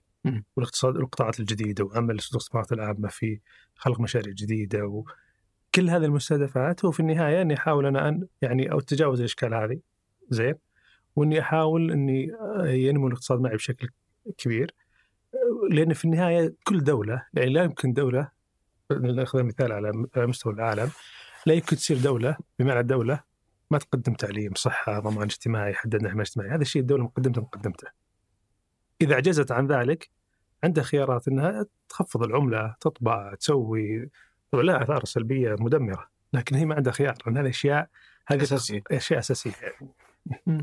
فأعتقد هذا الشيء أصلا يمشي في السياق يعني إيه ابتداء قصدي يمكن يعني. إن أصلا الحلول المنطقية هي إنه إحنا كيف يعني هذا خلاص بس كيف نقلل بس من العجز وإنه هو فعلا بيكون شيء موجود وخصوصا. مع التغيرات إيه، المستقبلية. إيه ترى هو الفكرة مو مو ليس الفكرة الحد من العجز الاكتواري إن 800 مليار هذه نصفرها. ترى ما هو هذا ابدا هدف. انك تقلل تزايدها تسارعها؟ تقلل تسارعها تخفض منها. إلى درجة تستطيع إنك إدارتها. عرفت؟ يعني يعني حتى ما هو من منطقي إني أرجع أخليها صفر. وفي المقابل صح إنه بيصير استدامة مرة ممتازة بس برضو ترى لها آثار اجتماعية ولها آثار وضحت الفكرة. فدائما المشرع يناظرها بأبعادها المختلفة. أبعادها الاجتماعية الاقتصادية حتى على نمو وضع الأجور سوق العمل. ارتفاع يمكن لو أرفع اشتراكات صح يحل على الاستدامه المالية بس يمكن يرفع عليه تكلفة الأجور للسعوديين. فهالشيء يعني كل شيء له تبعاته. لكن الأكيد أو الواضح لنا إن فيه مشكلة في عجز ضخم ولا بد انه يعالج. وهذا صار لاسباب ديموغرافية بشكل رئيسي. وهنا دور على المواطن أو على المشترك نفسه إنه يبدأ يجهز من نفسه من الآن للتقاعد من ناحية إنه يبدأ يستثمر بنفسه. يبدأ يعني يحاول بس ليش ليش. ليش الواحد يستثمر الحين بنفسه؟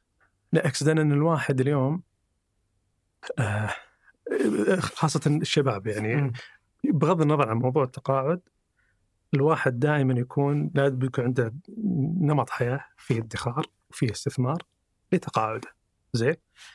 هذا الموضوع يتأكد أكثر اليوم عندنا في السعودية. ليه؟ لأن الجيل الجديد يمكن ما يشوف الحاجة هذه لأنه شايف قدام عيونه الجيل اللي سبقه إنه محتاج لهالشيء. لأن وجود نظام تقاعد وتامينات قوي ويعطي عوائد جيد أو تقاعدات يعني جيدة إلى حد كبير آه، ما هو بحافز له إنه يبدأ يأخذ الخطوة. حتى يمكن أصلاً ثقافة الادخار كلها بس موجودة في البيت أساسا يعني. صح صح. يعني ثقافة الادخار هذا في السعودية يعني جدا مخاف يعني أحس انها في تحسن. مم. بس إنها ضعيفة جدا. صحيح. مم. لا لا في تح- لا شوف لها أسباب كبيرة. أول شيء عدم وجود الضرائب ترى له دور. الضرائب على الدخل. لأن عادة الادخار يعطي الحكومات تعطي حوافز عليه. مثلا موضوع ال ال- ال- الثقافه ترى لها دور آه موضوع مستوى نضج القطاع المالي. هذا موضوع جدا مهم. يعني؟ يعني اليوم لو نشوف السوق ال- الأمريكي على سبيل المثال بوجود اقصد النضج المالي إنه يكون عندي سوق مالي عميق في شركات مالية مختلفة متنوعة منتجات استثمارية متنوعة. هذا الشيء يفرق كثير في موضوع ال- ال- الادخار. يصير في عندي أدوات ادخارية تساعدني إني أدخر. آه اليوم مع مثلا برنامج تطوير القطاع المالي مع وجود شركات التقنيه المالية. آه اليوم في أكثر من 200 شركة تقنية مالية متنوعة في منتجاتها في كل هذا التنوع يساعد أو يخلق فرصة لي إني إني والله ممكن أربط راتبي يستقطع 9% بشكل تلقائي. إني أشترك مثلا بتط- بمدى يستقطع مني ولا بالبطاقة يستقطع مني كل شهر آه مثلا 10% من راتبي. ترى الشغلات البسيطة ذي ترى تفرق، يعني كثير من الناس تلقى عنده مبدأ إنه يستقطع 10% من راتبه يقدر يستقطع يمكن يمكن بعضهم ينتهي الراتب باقي عنده 10% ما ما ما صرفها لكن ما في أداة تخليه يأخذ الخطوة هذه. صح. فوجود مثل شركات مثلا تقنية مالية تساعدك إنك تأخذ مثل هذه كلها تفرق في معدلات الادخار. ثم شوي شوي تشيع يعني ثقافة الادخار يعني بي بي بين الناس بشكل يعني لا بشكل يعني تراكمي. وش بيفرق مع الواحد لو حط 10%؟ مش- ممتاز. خلينا ناخذ مثال نفترض مثلا خالد. مم. خالد اشتغل براتب بتشوف ترى مثال يعني شوي متحفظ. يعني ليش متحفظ؟ لأنه اشتغل براتب 5000 بدأ راتب 5000 عمره خلينا نقول آه، 23 سنة. تقاعد بعمر 64 سنة. زين. يعني أتكلم عن 42 سنة. راتبه ينمو ب 3.5% يعني وصل بدأ 5000 وصل 22000 ممتاز. لو استقطع 10% من راتبه كل شهر يستثمره. العائد الاستثماري برضه متحفظ 8% زين. هنا في نهاية ال ال ال الاستثمار بيصير هو مجموع اللي استقطع ال 10% مجموع ال 10% ذي اللي يدفعها. كانت 555 ألف. لكن كم قيمتها وقت التقاعد؟ 3 مليون. واو. وضحت؟ في نقطة ثانية هنا. تخيل أن لو مدها ثلاث سنوات بس. لو مد المدة بدل ما هو 64 مدها بس إلى 67 كم 3 مليون بتصير؟ 4 مليون عرفت؟ واو يعني المليون الأخير جاب يعني قاعد 42 سنة عشان يجيب 3 مليون المليون الأخير جاب ثلاث سنوات ليش أقول الكلام ذا؟ أنه من أهم الأمور اللي هو أنك تستثمر مبكرا يعني أتذكر كتبت تغريدة اللي هو الاستثمار ما ترى مو بسالفة يعني معقدة، الاستثمار باختصار خمس أشياء. استثمر مبكرا،. فهذا أحد شواهد إنك تستثمر مبكر، ليش؟ لأن اذا استثمرت مبكر اليوم السنة ما راح تفرق معك السنة القريبة هذه اللي أنت فيها ما راح تفرق معك، لكن السنة الأخيرة تفرق معك فرق كبير، فكل ما بديت مبكر كل ما فرقت معك بشكل كبير. هذا الأولى اللي استثمر مبكرا، الثاني آه، استثمر باستمرار. آه، برضو آه، أعد استثمار توزيعاتك عشان تستفيد من العائد التراكمي. كذلك نوع استثماراتك في محفظه منوعة والخامسة لا تبيع. خلينا ناخذها واحدة واحدة، يعني اول شيء قلنا استثمار مبكر اللي هو على موضوع إنه ليه؟ لأن الآن وش اللي يفرق ال 500 ألف هذا ولا استقطاع 10% ليش صارت 3 مليون؟ عاملين الأول العائد اللي كان 8% طبعا لو خلينا 10% في مثالنا 3 مليون تصير 5 مليون. ال- العائد واليفرق الثاني الزمن. العائد صعب إنك تديره يعتمد على المخاطر وتغيرات الأسواق وغيره بس الزمن تقدر تديره يعني أنت تقدر تديره فدائما خلي الزمن صديقك. استثمر اصبر لا تستعجل في البيع. يعني خل دائما نظرتك استثماريه على المدى البعيد. وارن بافت مثلا وارن بافت عمره الحين أعتقد 93 94 أمم، آه، كان 99% من ثروته تشكلت بعد عمر ال 50 يعني. كل النمو اللي صار قبل 50 ترى بشكل 1% من ثروته اليوم. فدائما الاستثمار على المدى البعيد وهنا وهنا يجي التحدي لأن الواحد يقول إيه تقاعد بعدين ما الواحد صعب إنه يقتنع بهالفكرة ولذلك لابد له حوافز اللي هو النجنج مثلا إنه اليوم كل الناس تعرف إن التدخين مضر لكن كل كل اللي يدخنون يدرون التدخين مضر بس هو يحتاج حوافز تساعده نفس الشيء الادخار وغيره. ال ال أيضا من ضمن ال- الأمور اللي هو الواحد ثروته ترى هي رأس ماله البشري وراس ماله المادي. انت اليوم بعمره مثلا 30 سنة على سبيل المثال، واحد عمره 30 سنة يشتغل مثلا في القطاع المالي على سبيل المثال. ثروته هي الأصول اللي عنده سواء محفظة أسهم، عقار، غيره، صكوك ولا ايا كان. والأصل الثاني اللي هو رأس ماله البشري اللي هو بيجيب له فلوس 30 سنة قدام. صح. فهو لو أخذ مثلا شهادة مثلا إنه يعمل في القطاع المالي يأخذ شهادة السي في هذا تضمن له يعني في المتوسط دخله بيصير الضعف خلال السنوات الجاية. فمعناته كنا كنا عنده ارجع تثمين دبل. وضحت؟ فهو ثم مع الوقت أصلا يبدأ ينخفض. رأس مالك البشري كل واحد كل ما كبر في عمره وكل ما زادت أصوله. فأنت فكرة الادخار إنك تبدأ تأخذ من أصولك هذا رأس مالك البشري وتوديه لمحفظتك. لا رأس مالك ال- إي لأن هذا هو اللي ترى بيصرف عليك بعدين. أنت صح. اليوم رأس مالك البشري هو اللي قاعد يصرف عليك. مستقبلا بيصرف عليك محفظتك تصرف عليك. فهذه النقطة يعني مرة مهمة. النقطة الثانية اللي هو استثمر باستمرار فكرته إنه لا خلها عادة. خلها عادة يعني استقطع كل شهر. خلها يعني لا تحقر مبلغ صغير. مهما فاض عندك مبلغ لو بسيط استثمره لأن أثره بعدين بيصير كبير. وفي في مثال في استراتيجية اللي يسمونها توسيط التكلفة. مم. يعني خلينا ناخذ مثال مثلا عبد الرحمن على سبيل المثال تقول أنا عندي مبلغ كل شهر عندي 5000 ريال بحطها في السوق. السوق طالع نازل سوق الأسهم طالع نازل منخفض. يوم 29 أوتوماتيك يطلع من حسابي إلا هذا. حلو؟ أنا أمر أقول لا. أنا ال 5000 هذه بحطها على جنب إذا نزل السوق 10% بشتري فيها. مم. وبج... وكل شهر بجمع الخمسة مع الخمسة لين إذا وصلت مبلغ معين إذا السوق وقتها كل. ما نزل ب- لو نزل 10% شريت. أدائك بناء على بيانات 60 سنة دراسات أدائك أفضل مني بكثير أضعاف أنا اي اللي تشتري في القمم تشتري بس إنك تشتري في كل وقت. ليه؟ لأن السوق على مدى سنوات طويلة قاعد ينمو بشكل كبير. تشوف السوق الأمريكي 100 سنة كله على مستوى نمو، في صار في أزمات في النص وانهيارات على 60 70% بس ليش الاقتصادات تنمو؟ شركات تنمو، يعني في عام 1917 أكبر شركتين في العالم US Steel 46 مليار كان قيمتها. بعدها يجي آه، American Telephone تقريبا 14 مليار دولار. يعني 14 مليار دولار و46 مليار دولار. اليوم أكبر شركة أبل 3 تريليون. بعدها مايكروسوفت 2.8 تريليون. بعدها أرامكو تقريبا 2.2 تريليون. فالفكرة إن الاقتصادات تنمو. فأنت يعني والأسواق دائما في الغالب الأحوال يعني صاعدة فحاول إنك تخليها عادة مستمرة وإنك تستثمر حتى مبالغ لو لو مبالغ ولا بسيطة. على ومتعب راسك إي ولا تستثمر وتعب- ولا لأن بالعكس اللي يستثمر غالبا يخسر.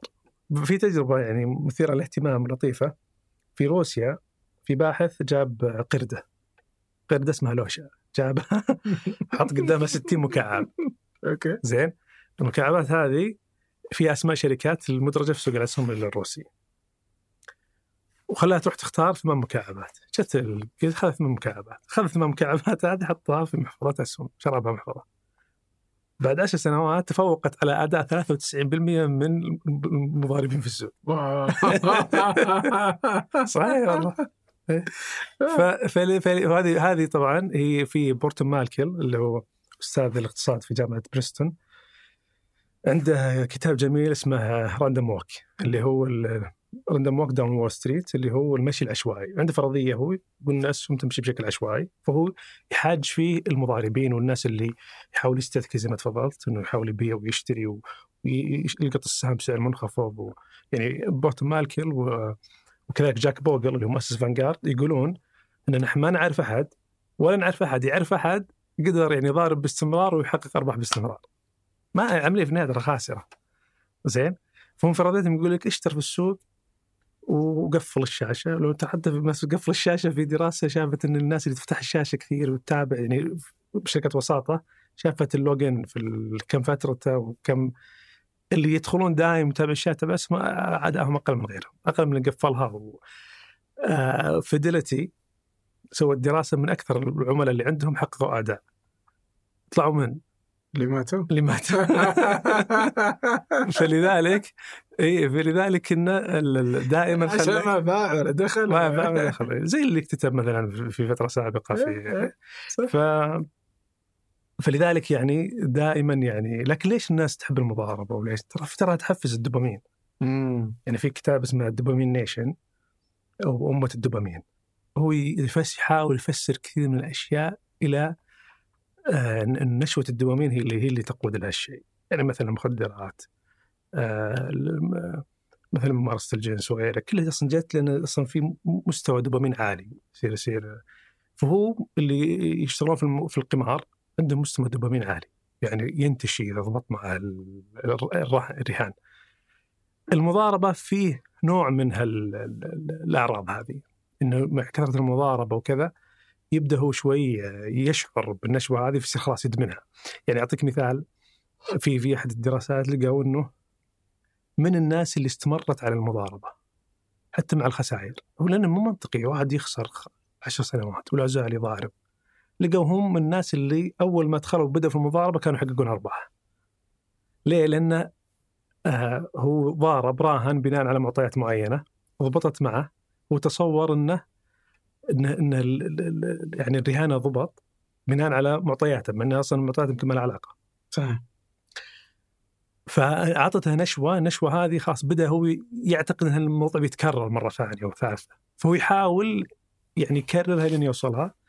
لكن الناس اللي بدأوا في المضاربة وتفاجئوا في البداية خسارة بعد خسارة هذا ما يكمل على طول يعني يطلع و آه وحتى في دائما يعني في دراسات اجتماعية سلوكيه كثير على طبعا ما هم مضاربين أتكلم عن اللي يدخلون في القمار في الرهان و وهذا يعني أسرهم يعني ترى تتأذى منهم أذية غير عادية. يعني تلقاه يقتر علينا وهو رايح يراهن على خيل تسبق خيل صح. ولا ففي ال في ال في ال فيعني آه، هذا من ضمن الشغلات اللي الواحد يعني طيب أنت قلت على سالفة آه، آه، قلت على سالفة آه، إنه لو أنت تبغى تستثمر باستثمار داعم يعني هو فيها تحدي آه، يعني أحس الميزة في التامينات الاجتماعية إذا ب... الحين ببدأ أحاول أربط مم. التامينات الاجتماعية إنك ما يمديك تسحب فلوسك حلو. حتى لو كنت في أسوأ ما ما, ما لو فيها الخيار ذا وش رأيك؟ ناس بتسحب كلنا. أتوقع الناس تسحب كل- مش على طول يعني كل الناس بتسحب فالتحدي صدق في في خيار إني أنا أستثمر فلوسي بنفسي هو إن ممكن تصير أزمة. ممكن يعني طبعا ممكن إنك تبغى تشتري سيارة تروح تقول خلني بسحب شوي من هنا. إيه. أو ممكن إنك تصير في حالة طارئة فتضطر إنك تسحب. آه بس إن السحب هو اللي يأثر في. في هذا المشكلة. واحد من التحديات يعني. بجيك عليه بس. ابد أقول طيب هذا الحين ليش نسمع ناس كثير؟ ناس كسبت في العقار. نسمع كثير والله فلان شرى الأرض الفلانية بكذا وطلعت بكذا بالذات الاراضي الخام. ترى جزء كبير منه لأنه أصلا ما كان يقدر يبيع. يمكن لأن بالذات الاراضي الخام ثقيلة وصعبة وفترة التسعينات الثمانينات أصلا السوق كان ضعيف فهو ممكن تلقاه احتفظ فيها مضطر. يعني مو بخيارة. لو كان عنده خيار يمكن طلب. صح. صحيح؟ ممكن إيه. بدون إنه ما يكسر سعرها يعني. فكثير منهم تتكون ثرواتهم من ناحية العقار ونشوفهم لأن قضية التخارج مثلا أو قضية قرار التخارج يصير أصعب. يعني حتى ليش مؤسسات استثمارية أداء من الأفراد؟ ترى من أحد التفسيرات إن أداء الشركة الاستثماريه لأن فيها حوكمة عشان تقرر قرار بيع هذا بروسس يأخذ له ثلاث أسابيع أسبوعين. في لجنة في مجلس في كذا في دراسة في الفرد يفتح شاشة ويبيع. في القرارات السريعة هذه تخليه يعني ردة ردة فعل على الأخبار سريعة وغير غير عقلانية. على ذكر العقار مثلا لو افترضنا أحد استثمر في العقار ولا في الاسهم بس عشان نشوف فكرة البيع. في في الثمانينات مثلا أنا أتوقع ولا عندي بيانات لكن أتوقع إن اللي استثمر في الأسهم حقق أكثر من العقار زين وبعطيك من الجزء اللي فيه بيانات بس ليش إحنا ما نشوفهم؟ لأن ما حد احتفظ غالبا اللي عنده حقق مبلغ معين باعه له صح. سيارة ولا شرى له سياره يعني البيانات اللي موجودة اليوم اللي هي من عام تقريبا 98 إلى اليوم. هذا في السوق السعودي. السوق السعودي. آه، بيانات بلومبرج. آه، أنا قارنت بين ثلاث أشياء. قارنت الأول الواحد شرى أرض في حي المروج. الحي المروج في منشور في جريدة في عام 1998 كان سعر المروج تقريبا حدود 675 ريال. سعر المتر في حي المروج. أما 98 ميلادي. يعني 2018 هجري تقريبا.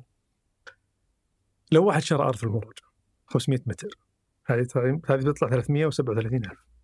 زين؟ هذا خلينا نقول عبد الرحمن شرى أرض في المروج أنا شريت مصرف الراجحي. بعطي المثال الزين. الراجحي الراجحي استثمر شريت مصرف الراجحي سهم أسهم. زين بنفس المبلغ. إيه. زين؟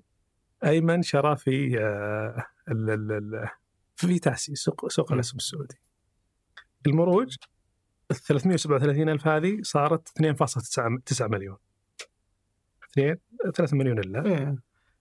أيمن تقريبا 3.2 مليون في تاسي سوق الأسهم السعوديه يعني أعلى من المروج. طبعا ترى جزء كبير أو في خلينا نقول لو هو بس يعني استثنى الشركات الخاسرة ولا اللي يسمونها الخشاش ولا ذا. كان الرقم زاد بكثير. إيه حتى مع اللي صار في 2006 حتى مع اللي صار في 2006 غير كذا آه أنا اللي دخلت في المحظوظ اللي طبقا ما في حد يقدر يسوي ما في صعب الواحد يسوي هالشيء اللي اختار الراجحي مثلا حقق ثم- 5.8 مليون عفوا 8.5 مليون يعني نص مليون 8.5 مليون أوه. أرض المروج 2.9 مليون الراجحي 8.5 مليون؟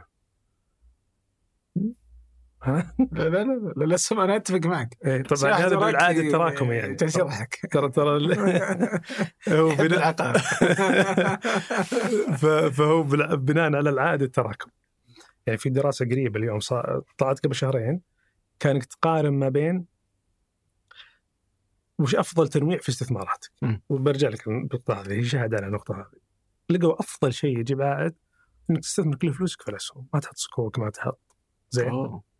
طبعا أقصد هنا الصكوك الصكوك الحكومية اللي تعطي العوائد الصكوك الشركات بالذات اللي موجود عندنا اليوم في المنصات هذا ما هو نظاميا مصنف صكوك بس فعليا هو برايفت كريدت أكثر أو ائتمان خاص. زين؟ زي مثلا دينار والشركات هذه. فعليا هي شركات ائتمان خاص دورها تعزز ال- ال- العائد أكثر من دور إنه يخفض المخاطر. لأن الحين. إذا جينا نتكلم عن التقاعد إحنا نتكلم في سياق إن الصكوك تخفض العائد. وضحت؟ واضح. بس في المقابل تعطيني ميزة انها تخفض علي المخاطر وتعطيني أريحية في التدفقات النقدية. لأن أنا عندي في النظام التقاعدي حتى لو كان عندي defined contribution أو نظام الحصالة عندي ناس قاعدين ياخذون معاشات فأنا لازم اجدول لهم تدفقاتهم النقدية. صحيح. هذا بالضرورة بينعكس على انخفاض الأداء. فعود على الدراسة اللي قبل شوي. لقيت أفضل توليفة إنه يكون شافت على 36 دولة. أفضل توليفة انه 35% من محفظتك في أسهم الدولة المحلية اللي عندك. والباقي في السوق الأمريكي في السوق العالمي. لكنها طبعا هذه فيها ابستراكشن عالي شوي لأنه هي ما شافت هي قاعد تناظر بس استراتيجية الصكوك والاسهم الصكوك الحكومية أقصد. لأن في فرضية اللي يقول لك 60% خلها أسهم 40% صكوك في فرضية ثانية يقول لك خل عمرك اللي هو 120 سنة عم 120 ناقص عمرك هذا آه، يعني مثلا عمرك آه، 40 سنه 120 ناقص 40 80 خلاص 80 هي فالاسهم 20% صكوك حكومية أوه. عشان تقلل المخاطر مثلا هذا من الاستراتيجيات فهم يقارنون بين هالاستراتيجيات طبيعي أفضل عائد يصير إنك تكون كلها في الاسهم لكن لما نشوف اليوم في الاستثمارات البديلة مثلا ما هي من ضمن الأشياء اللي تدخل في في الدراسات اللي, اللي, اللي نتكلم عنها هذه ليه؟ لأنها ما فيها نمذجة ولا تقدر آه، ما تقدر تدخلها في نماذج مالية. يعني ما في مؤشر واضح يقيسها لك على مدى زمني طويل. ولا فيها سيولة لكن عائدها أفضل مثل العقار مثل الملكيه الخاصة مثل الائتمان الخاص اللي هي المنصات التمويل بالدين اللي تكلمنا عنها قبل شوي. فأفضل شيء توليفه طبعا هو التنويع دائما. إنك يعني لا لا تركز استثماراتك في استثمار واحد، التنويع ما بين الأصول، يكون عندك مثلا أسهم، يكون عندك عقار، يكون عندك الصكوك اللي ثم الاستثمارات هذه يعني تستمر بمبالغ بسيطة دائما تنوع ما بينها. وهذه لما قلنا قبل شوي إنه عمق القطاع المالي وجود مؤسسات مالية متنوعة يساعد على موضوع الادخار. صح ليه؟ لأن تنوع المنتجات سابقا في العقار لازم يصير مبلغ كبير عشان تدخل، اليوم ب 1000 ريال تقدر تدخل في العقار. الصكوك من أول الحد الأدنى للشراء مليون ريال، اليوم الصكوك ب 1000 ريال. وضحت؟ فهذا التنوع كله راح يفرق بشكل كبير على موضوع ال- ال- عمليه الادخار، فت- في إنك تنوع على مستوى المحفظة من ناحية مختلف الأصول ثم بعد ذلك تنوع على مستوى حتى داخل الأسهم. يعني إنك ما ما تستثمر مثلا في شركة واحدة وشركتين تحاول تستخدم اما ال ETF أو مؤشرات ال- ال- المالية. آه، أو إنك في تنوع قطاعات في- مختلفة مختلفة كبيرة وفي شركات. كبرى يعني. إي نعم. فتروح مثلاً أبل. مثلا يعني مثلا مثل الراشد قبل شوي أو حتى حتى ابل حسابي كأرامكو إيه. روح السليم يعني حتى مثلا آه، على سبيل المثال هذه ميزة اشتراك المؤشرات يعني أبل أنا قلت مثال تو اللي لقط الراشد مم. تخيل إنك لقطتها بنفس الفترة أبل الوليد. طلع احسه يعني صحيح يعني كان يملك 5% وباعها. لو يملكها لو لو معك 10000 دولار في أبل قبل مم. 20 سنة اليوم 8 مليون دولار لا إله إلا الله لو معك 10000 دولار في أمازون اليوم آه، تقريبا حدود المليونين أو دولار 10000 دولار إيه ال- طبعا بس ليش؟ بس طبعا وش احتمال إن الواحد جاء ولقطها وصبر شبه مستحيل يعني. إيه. لكن استثمارك في صندوق مؤشرات يضمن لك إنك تملكها كجزء من محفظتك، ليه؟ لأنه دائما صندوق مؤشرات ياخذ أفضل الشركات أكبر الشركات. أبل دخلت المؤشر في عام 82 في أم- فرق S&P 500 إيه. دخلت فيه في عام 82 آه، أمازون دخلت المؤشر عام 2005 معظم النمو أصلا في أمازون جاء بعد 2005 معظم النمو في أبل جاء في التسعينات. وتسلا الظاهر ما دخلت قبل أربع سنين أو شيء زي كذا صح؟ صحيح. إيه، في, في الفكرة إنه آه، فهذا ميزة إنك تستثمر في المؤشر إنك تضمن إنك تلحق فيه وغير وغير كذا حتى في واحدة من الدراسات شافت إنك تخيل واحد حتى لو نوع طبعا تحرص بدون شك على القوائم المالية تشوف استثمارك على المدى البعيد. أنا أشوفها ما أشوفها كسهم رقم أنا أشوفها كشركة أنا داخل معها شريك. غير كذا يعني آه، بواحدة من الدراسات المثيرة اهتمام قارنت بين واحد جاء قبل 20 سنة بنى محفظته في شركة فيها توزيع توزع شركات ما توزع. اللي توزع طلعت يعني تعطي عائد أكبر بكثير. جزء من السبب طبعا إنها شركات عموما أفضل اللي أفضل عادة هو اللي يوزع. وفي جزء ثاني إنه التر... الت- العائد التراكمي لأنه يوزع فهذا يسمح لك إنك تعيد استثمار التوزيعات مره أخرى فهنا أثر التراكم يصير عالي يعني ألبرت أينشتاين يقول العائد التراكمي هذا الفائده مركبة في فكرة إن الربح يجيب لك ربح. هذا يقول إنها يعني يسميه معجزة الدنيا الثامنة لأنه فعلا أثره كبير مرة. يعني تخيل مثال خالد قبل شوي إنه هو دفع 55000 بس جاه 4 مليون. يعني تتكلم عن تقريبا 86% من المبلغ اللي جاه هو من الأرباح وأرباح الأرباح. الله يزيد أرباحكم. أرباحكم. جميع يا رب. يعطيك الشكر لك حبيبي؟ شكرا لك. شكرا لكم. شكرا لعادل بعطية في الإعداد ووهاب موسى خلف الكاميرات وعبد العزيز المزي في التسجيل والهندسة الصوتية عند محمد الحسن وفي التلوين عبد المجيد العطاس وفي إدارة محتوى التواصل الاجتماعي نورا السبيعي ومنتج البرنامج أيمن الحمادي. هذا فنجان أحد منتجات شركة ثمانية للنشر والتوزيع ننشر كل الإنتاج بحب من مدينة الرياض. الأسبوع المقبل ألقاكم.